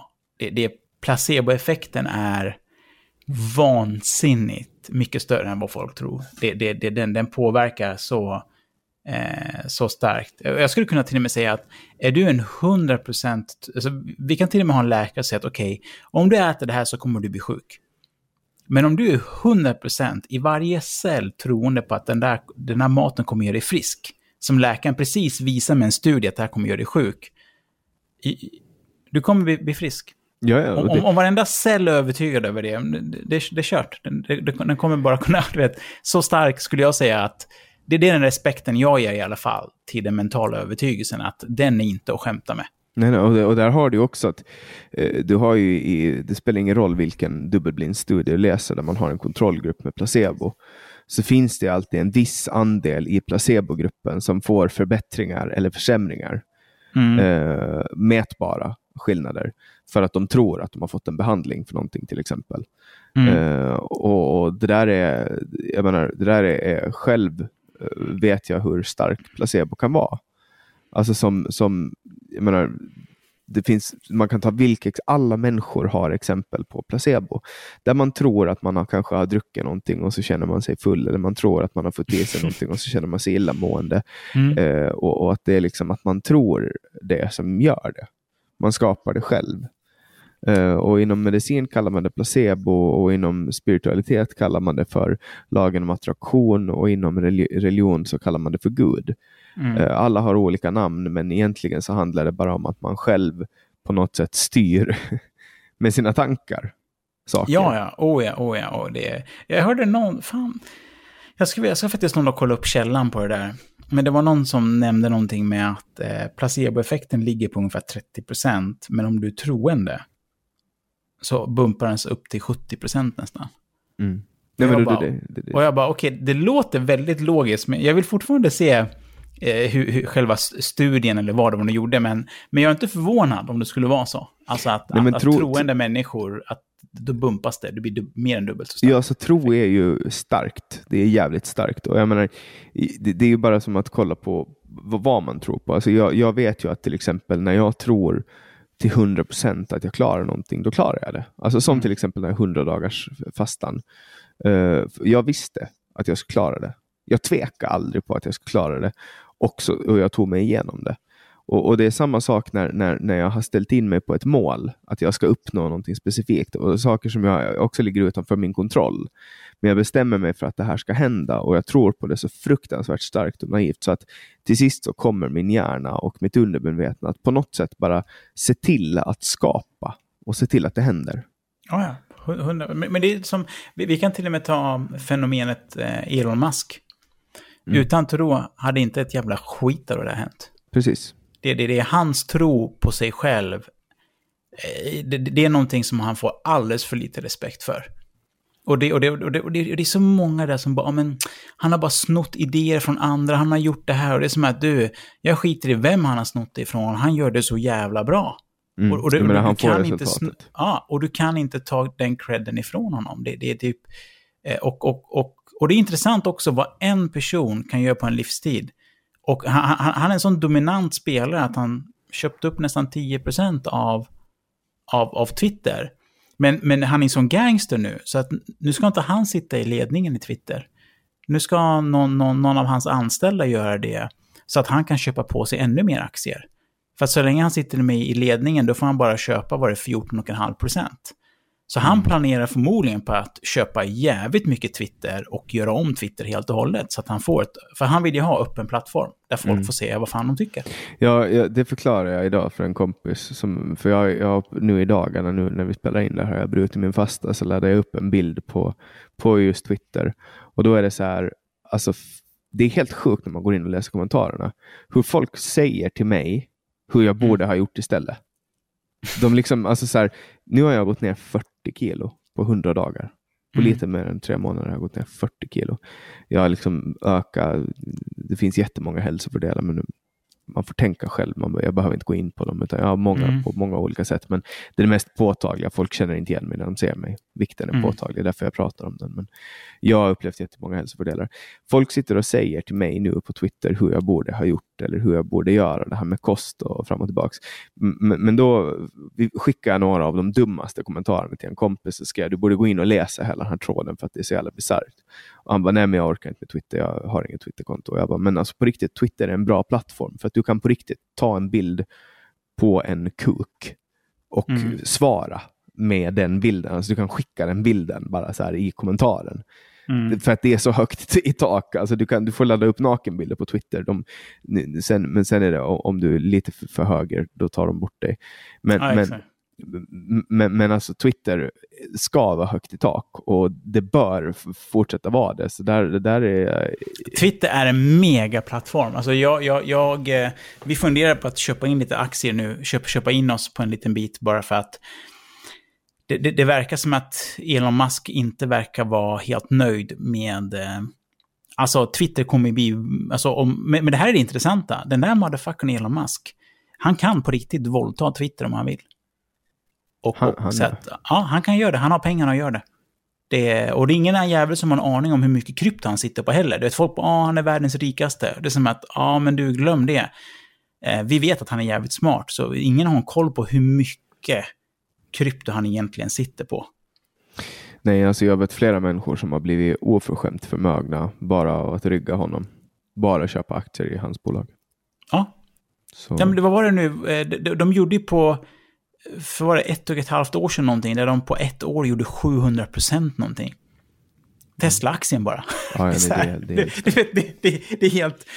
Och, och tänk dig, till och med Bill Gates, som tillhör en av globalist-toppeliten, han har försökt shorta Tesla. Hur gick det för honom? Det gick inget bra alls. Det, det, de, de lyckas inte. Alltså, El- så Elon Musk, det är så här... Jag sa faktiskt till min lillebror, för han... Bara, jag vill, så här, för han vill jättegärna tjäna asmycket pengar och, och, och, och, och bara leva på sina aktier och sånt. Och då sa jag så här, jag bara, men du, vad, vad är skillnaden mellan dig Jagge och, och mycket Elon Musk så här. Han bara, vad menar du? Nej men vad är den enda skillnaden mellan er? Är det att han har större snopp än dig? Eller att han, han föddes med mer pengar? Eller att han fick mindre smisk än dig på rumpan? För vi fick jävligt mycket smisk när vi var små iranier, vet du. Så, så jag bara, vad, vad, vad, tror du skillnaden är? Han bara, äh, typ så här. Jag bara, men han tänker ju på ett speciellt sätt som du inte gör. Det är mentalt. Skillnaden är mentalt. Det är inte hur ni ser ut eller att ni har olika uppväxter, utan det är hur ni tänker och resonerar. Jag sa att, fan, om du bara kan lära dig en halv procent av hur Elon Musk tänker, så skulle du förmodligen på några år bli miljonär i alla fall. Ja, alltså det, det... det är påtagligt när man läser boken om Elon Musk som den här journalisten som jag inte kommer ihåg vad heter skrev. Men jag läste den två eller tre gånger. Det är så jävla fascinerande. Alltså när han ska skjuta upp de här SpaceX-raketerna så lägger han alla pengar på första raketen som fucking failar och ja. andra och sen tredje gången. Han säljer allt han äger, lägger allting på den här fucking raketen. Allt, allt, allt, allt, allt. Och så bara har han allt han äger och så bara lyckas han. Ja.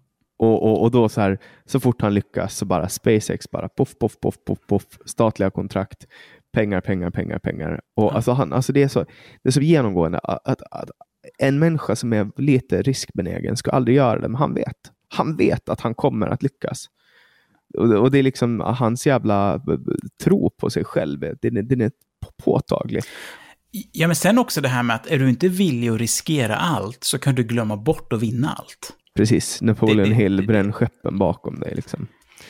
Hade... Det, det, går inte annars. Det, det, det, det är helt... Det är en, och även, men, men det är också, tycker jag, att även om det låter fint när man säger så, att men är du inte villig att äh, satsa allt så kan du inte... Det är som att du, du kommer aldrig vinna hela, hela huset på kasinon om du inte vill att gambla för det heller. Eh, men, men, men, det är en väldigt bitter piller att svälja i början, att acceptera att det är så. Mm. Att, eh, att, och för att, då, då när man, för mig var det så att när jag accepterade då insåg jag att den enda jag skyller det är mig själv. För det är bara jag som har hållit tillbaka. Har, har du läst uh, Napoleon Hills uh, Think and Grow Rich? Jag har läst delar av den länge sedan. Men jag kommer inte ihåg, jag, jag, kan inte säga att jag sådär, men jag vet, för jag känner igen eh, namnet väldigt väl och jag vet att jag nosat i det, men jag har inte läst punkt till punkt. Nej. Ja, för, det, för det är typ så här, um, den första självhjälpsboken i princip. Och då var det Napoleon Hill som av uh, Andrew Carnegie blev, fick i uppdrag att intervjua alla de rikaste människorna i världen och ta reda på uh, vad är det som gör att de blir så här rika? Och han började väl någon gång på typ 50-talet eller något sånt, höll på fram till mm. 70-talet. Eh, nu mässar jag säkert upp siffrorna. Men, men han tog i alla fall fram ett sätt att tänka i den här boken. Tänk rätt, bli framgångsrik heter den på svenska, men Think and Grow Rich är den engelska titeln. Så då har han liksom kondenserat ner världens då rikaste människor och mest framgångsrika människor och tagit reda på vad, är det, vad har de gemensamt i sitt tänk. Mm. Och Det här är liksom grunden till all eh, självhjälp och all självhjälpslitteratur. Och eh, kontentan av den boken är det du tänker på väldigt mycket får du. Mm. Och, och, och, och liksom, teorin bakom det där är att när du tänker på någonting, då ställer du in ditt undermedvetna på att du ska ha det och då gör du massa mikrobeslut som leder till det.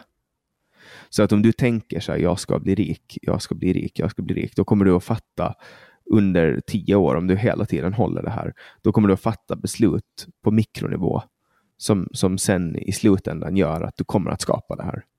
Och det, och det, kan vara att du bara sitter uppe tio minuter extra och läser på kvällen eller att du sparar lite pengar eller avstår från att dricka den där ölen. Alltså du vet sådana grejer.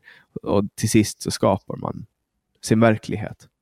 Ja, att det är egentligen ingenting gudomligt, utan det bara är någonting undermedvetet. Ja, ja. Det, det, men sen också det här med att...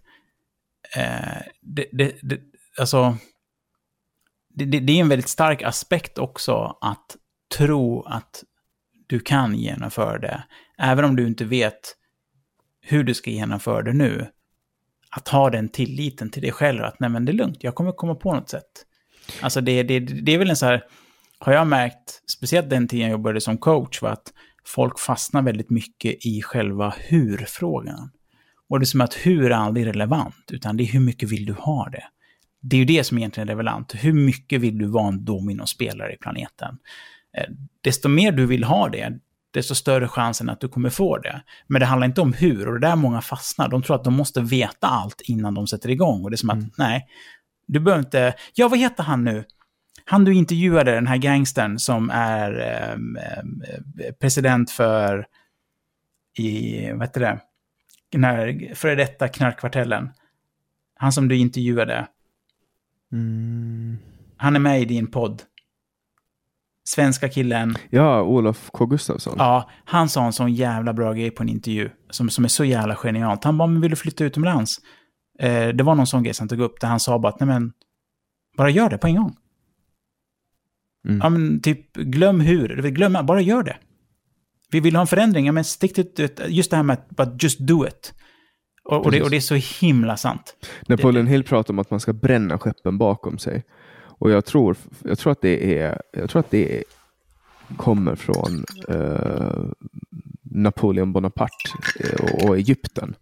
Att, att när han uh, åkte in i Egypten mm. uh, så, så blev hela hans flotta uppsprängd av, av engelsmännen. Mm. Och då var han tvungen att gå in i Egypten med sin armé. Jag mm. tror, jag, det, det, kan vara någon annan historisk anekdot också, men jag tror att det är Napoleon Bonaparte eh, som den kommer ifrån. Men att du ska liksom bränna skeppen bakom dig. Du ska inte ha möjlighet att kunna åka hem. Exakt, för, för, för, för, att, för att det är din, ditt undermedvetna är en knark, liten äcklig knarkhora. Och det, det är också en sån bitter piller jag fick lära mig om mig själv. Att ja, mitt undermedvetna är inte min bästa kompis. Och i alla fall ta tygla den, förstår man? Utan den, den följer inte samma regler som mitt medvetna följer. Utan den följer andra regler. Så att det där med bränna broar, det, det, det kan jag säga, det är ett måste. Alltså mm. det, det, det, det, det, det, det, det är någonting man verkligen måste lära sig. Att, att, att till och med tycka om att bränna broar. För att, att du aldrig ens kan gå tillbaka. Utan det är som att det finns inget val. Antingen dör du eller så, så lyckas du. Mm. Tänk, om det, tänk om det för övrigt, det där blir det citatet, blir, när du dör så är det det, du minns med. Eh, citat, eh, ditt undermedvetna är en liten knarkhora. Du, det, det, det, nej, nej, men, och, och, och, det är också att jag vill inte generalisera det till alla ni som lyssnar där, utan det är mer den inställningen jag har mot, mot mig själv. Är att det, nej men jag sa till Sofia, jag bara fan, under keto, jag har känt noll sockersug. Inga problem alls. På Carvinor, jag har aldrig haft så här mycket sockersug någonsin i hela mitt liv. Det är helt sjukt. Det, det, det är konstant. Du, men, du äter bara kött och du känner ett sötsug? Ja, mega sötsug. Men vad fan, då kanske du ska dra upp din, då kanske du ska dra upp din energiprocent fett, tänker jag bara spontant. För att det låter som att det kan vara att du äter för mycket protein och att proteinet skapar eh, gluconeogenes. Och, och eftersom gluconeogenes är så pass energikrävande process så vill den ha socker på annat sätt. För du får ju blodsockerhöjning av gluconeogenes när du omvandlar protein till socker. Mm. Det, är bara min, det är bara min spontana tanke. Eh, ja, för att fett är absolut inte snål med. Det, det, nej, nej, nej. Fett stoppar i mig väldigt mycket. Alltså väldigt mycket fett. Så att det, det, kan vara det du säger. Jag ska faktiskt eh, fundera på att ta en vecka och bara öka fettet ännu mer för att se vad som händer där. Men, ja, öka fettet och dra ner proteinet lite. Mm. Alltså att du inte överstiger bisarra mängder. Jag vet att det är lätt att, slita i sig de där goda jävla musklerna. Det är, ah, det, det är väldigt, väldigt gott. Men, men jag ser det mer som att ah, jag har en slyna inom mig som behöver konfronteras. Det, det är lite mer så jag ser det med mig själv. Att nej, nu tar vi oss förbi det här. Förstår man? Nu, mm. nu, nu tar vi oss... För, för, att jag varit för, för att många när de går på keto, alltså, de, de får ju möta sin, sin eh, kolhydratsknarkare inombords. Och verkligen fejsa den. Eh, den kan ju bli, som Sofia, hennes första månad var ju horribel. Jag fick ju göra ketoglass åt henne varje dag. Alltså, det var, hon, var ju helt förstörd innan hon kom över den första ribban i alla fall. Mm. Men jag kände ingenting. Jag kommer ihåg att jag skrattade åt henne. Jag bara, gud, din mes, typ så här. Och sen nu, jag bara, herregud, nu förstår hur hon känner sig. Den är, den är, någonting har triggats igång i alla fall. Eh, mm. Uh, och den kom ganska om, omgående på Carvenor. Ja, men för man får ju, alltså man, man det, jag, jag tänker bara spontant att det, bo, det borde, alltså om man, om man får och börjar må dåligt när man äter keto, vare sig det är carnivore eller inte, så är det eh, man ska inte känna sötsug. Man, man borde inte göra det i alla fall, men, men sen vet man ju aldrig, man behöver ju mäta. Ja, men jag, jag, tänker också på att jag är fortfarande nu knappt tre månader in på ren carvinor. Innan har det varit två års keto där det mesta bestått av, av, av animaliskt, men att det har funnits med lite grönsaker. Eh, men, men jag misstänker att det kan vara en sån avvänjningsgrejs. Alltså att, att, att, att, att, att min, min riktiga knarkare kommer inte fram förrän nu. Mm. Eh, men det kan också vara det du säger också, att det kan ha med eh, att öka eh, fettet. Öka fett, eh, fettintaget. Det är faktiskt... Eh, Nej, men det, kan det. Vara, det kan vara den underbemätna knarkarsledaren också. Jag ska inte, jag ska inte liksom sätta det åt sidan. För Nej, jag har, jag har fått svål nu har jag fått. Så jag ska prova, för det är jävligt mycket fett. Allmänt fett Ja, det är typ 70% protein nästan. Men det beror ju på hur du gör. Alltså, du kan ju, jag har tagit eh, svål och så bara skär man det, eller först kokar man det då. Och så tar man bort allt fett från det, skrapar bort fettet. Sen mm. friterar man, eller man torkar det i en dehydrator över mm. natten eller i ugnen, if you will. Och sen friterar man det och då kommer det att knäppa som popcorn och då har mm. du ju uh, du har snacks eller så kan du krossa det där och så kan du använda det som panering. Ja, ja. Det... Nej, men jag tror det smartaste då, det kanske tar alltså bara fettbitar från, eller, ätas mer fett. För, för, för det är också att... Ja, G, alltså kör G rakt av, bara drick ja. fucking uh, klarifierat smör. Ja, jag ska, jag ska, testa, jag ska testa det. För där har du ju mycket medellånga triglycerider. Mm. Eh, det är jättebra fett. Fan vad vi har nördat ner, jag älskar det här och jag hoppas att ni som lyssnar är glada över att ha tillbaks mig och mitt jävla eh, kostnörderi. Eh, det är precis det här jag vill eh, göra nu, nörda ner mig med någon annan som också håller på med biohacking, kallas det här.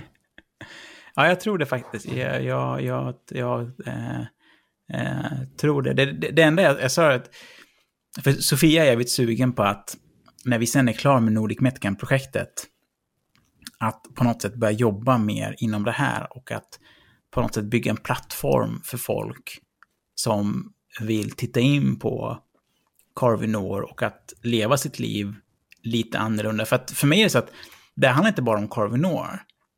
Till exempel, det, eh, vi, vi, vi, vi, vi är så nördiga så att vi är inne på att nu till och med börja göra vår egen tandkräm. Eh, jag använder bara tvål, ekologiskt tvål, när jag, när jag tvättar mig själv. Använder ingenting annat. Eh, jag har ingen så här bekämpningsmedelsspray sånt hemma. Jag har bara såpa som jag använder. Alltså så att det, det, vi har gjort förändringar på så många plan. För att vi inser att det är så mycket som är där ute som är rent giftiga och som forskare har varnat om i flera år, men myndigheterna bara don't give a fuck. Det är samma sak som vårt vatten. Vi bara, ja, men vi har jätterent vatten. Ja, men om du jämför mot 200 år sedan så har vi jätterent vatten. Men om du kollar på hur många rapporter det finns Eh, hos alltså, insändningar till regeringen av där folk har varnat om att du, vi har massa läkemedelsrester och allt möjligt skit i vårt vatten som våra vattenverk inte renar.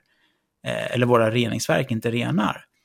Så vi har gjort jättemånga sådana här korrigeringar och, och jag tror inte en korrigering förändrar allt, men jag tror starkt på att när man gör flera av de här små korrigeringarna så blir det en jävla skillnad alltså.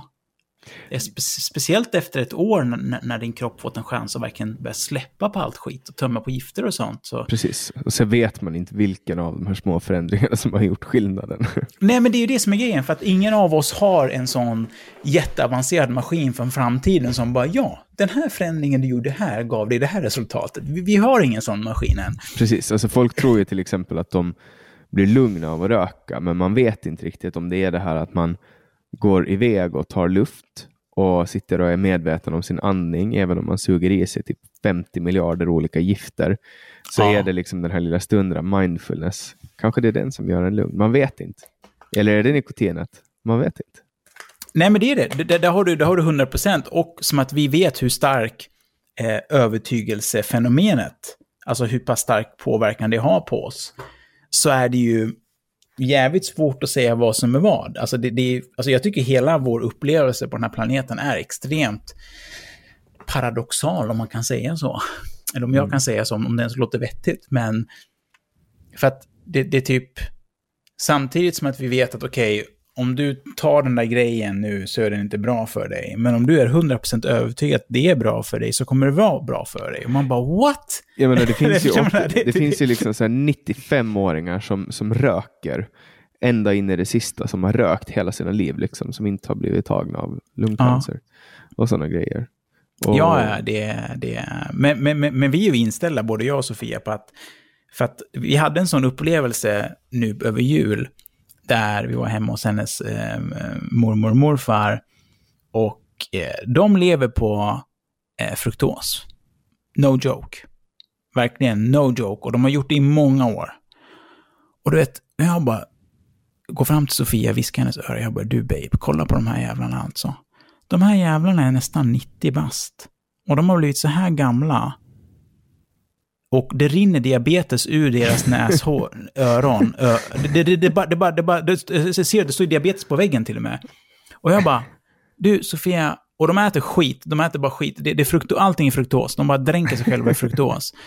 Och jag bara, du babe, om de här jävlarna kan, kan, kan grinda ända till 90 med fruktos, du, hur länge tror inte du vi kan grinda om vi fixar till grejerna? Och hon bara, mm, smart. Jag bara, ja, eller hur?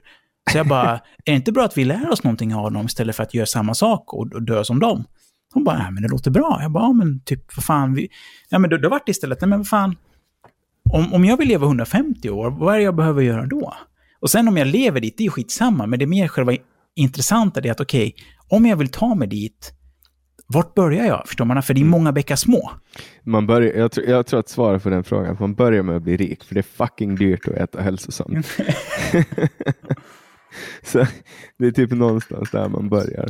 Eh, det har varit jättekul att ha med dig eh, i podden och jag hoppas att ni som Ja, har det har gått två timmar nu. Ja, det har gått ja. två timmar. Det är helt fantastiskt.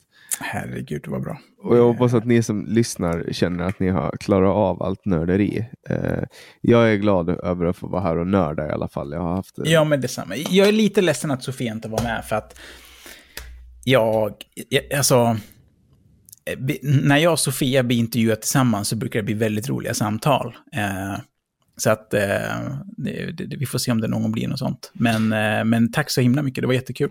Ja, jag tycker att du är ganska poddkompatibel, så ni borde fundera på att starta upp en podd. Det... Jag har varit på, alltså hon har ju haft sån poddrädsla bara lite snabbt nu, så att jag har till och med skällt ut henne ibland. För det var ibland, någon gång i början, eller det började egentligen för ett år sedan ungefär, där jag verkligen började tortera henne mentalt kring det här. Och jag bara, så jag kunde ta fram kameran och hon låser sig. Och jag bara, Sofia, nu, nu får du gå hem och ta ett beslut av, för att vi, vi kan inte ha det så här. Du måste överkomma det där. Och det, det började med ett beslut. För att jag märkte att varje gång vi försökte så låste hon sig bara och det vart ingen förbättring. Så jag bara, nej men du måste ta ett beslut. Och sen bara en dag så bara gav hon sig fan på det. Så nu går det skitbra. Så bra att du tog upp det. Mm. Eh, att jag borde faktiskt... För, för nu, nu går det jättebra. Nu kan jag slänga fram kameran och hon börjar snacka på en gång. Men förut, alltså, hon bara, bara helt tyst. och jag bara, hallå? Ja, men du, jag skulle säga att du är typiskt poddkompatibel. Jag, jag har poddat ganska mycket. Jag har gjort typ 150 samtal i den här podden. Och, och, det har inte varit en utmaning att podda med dig. Kan jag. jag har inte behövt jobba mycket kan jag berätta för dig. Oj, har du gjort 150 stycken? Ja, någonting åt det hållet. Ja, i det, av den här podden. Sen har jag gjort 80 stycken avsnitt av en annan podd också. Så jag har långt över 200 poddar som jag har gjort.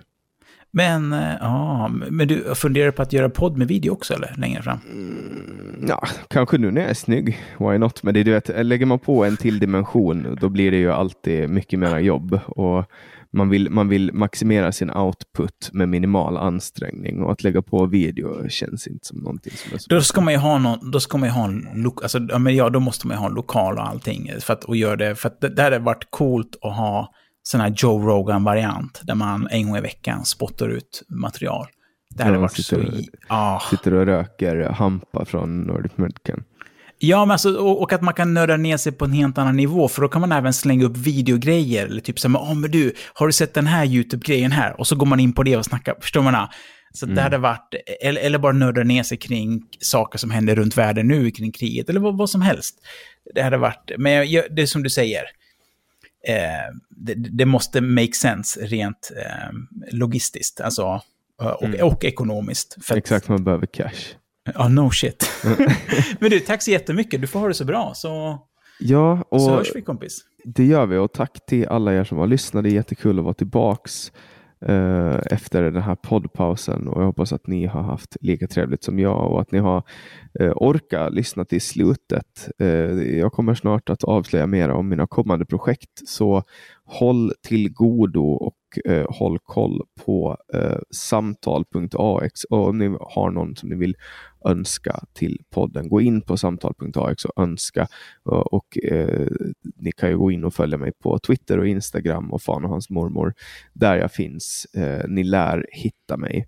Eh, det var så länge sedan jag drog det här avslutet nu så jag har typ glömt bort vad jag brukar säga, men jag vet att jag åtminstone brukar avsluta med att säga jag heter Jannik Svensson och du har lyssnat på podcasten Samtal.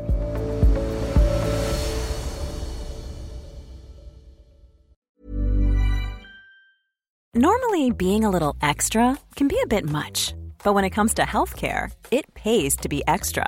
And United Healthcare makes it easy with Health Protector Guard fixed indemnity insurance plans. Underwritten by Golden Rule Insurance Company, they supplement your primary plan, helping you manage out of pocket costs without the usual requirements and restrictions like deductibles and enrollment periods. So when it comes to covering your medical bills, you can feel good about being a little extra. Visit uh1.com to find the Health Protector Guard plan for you.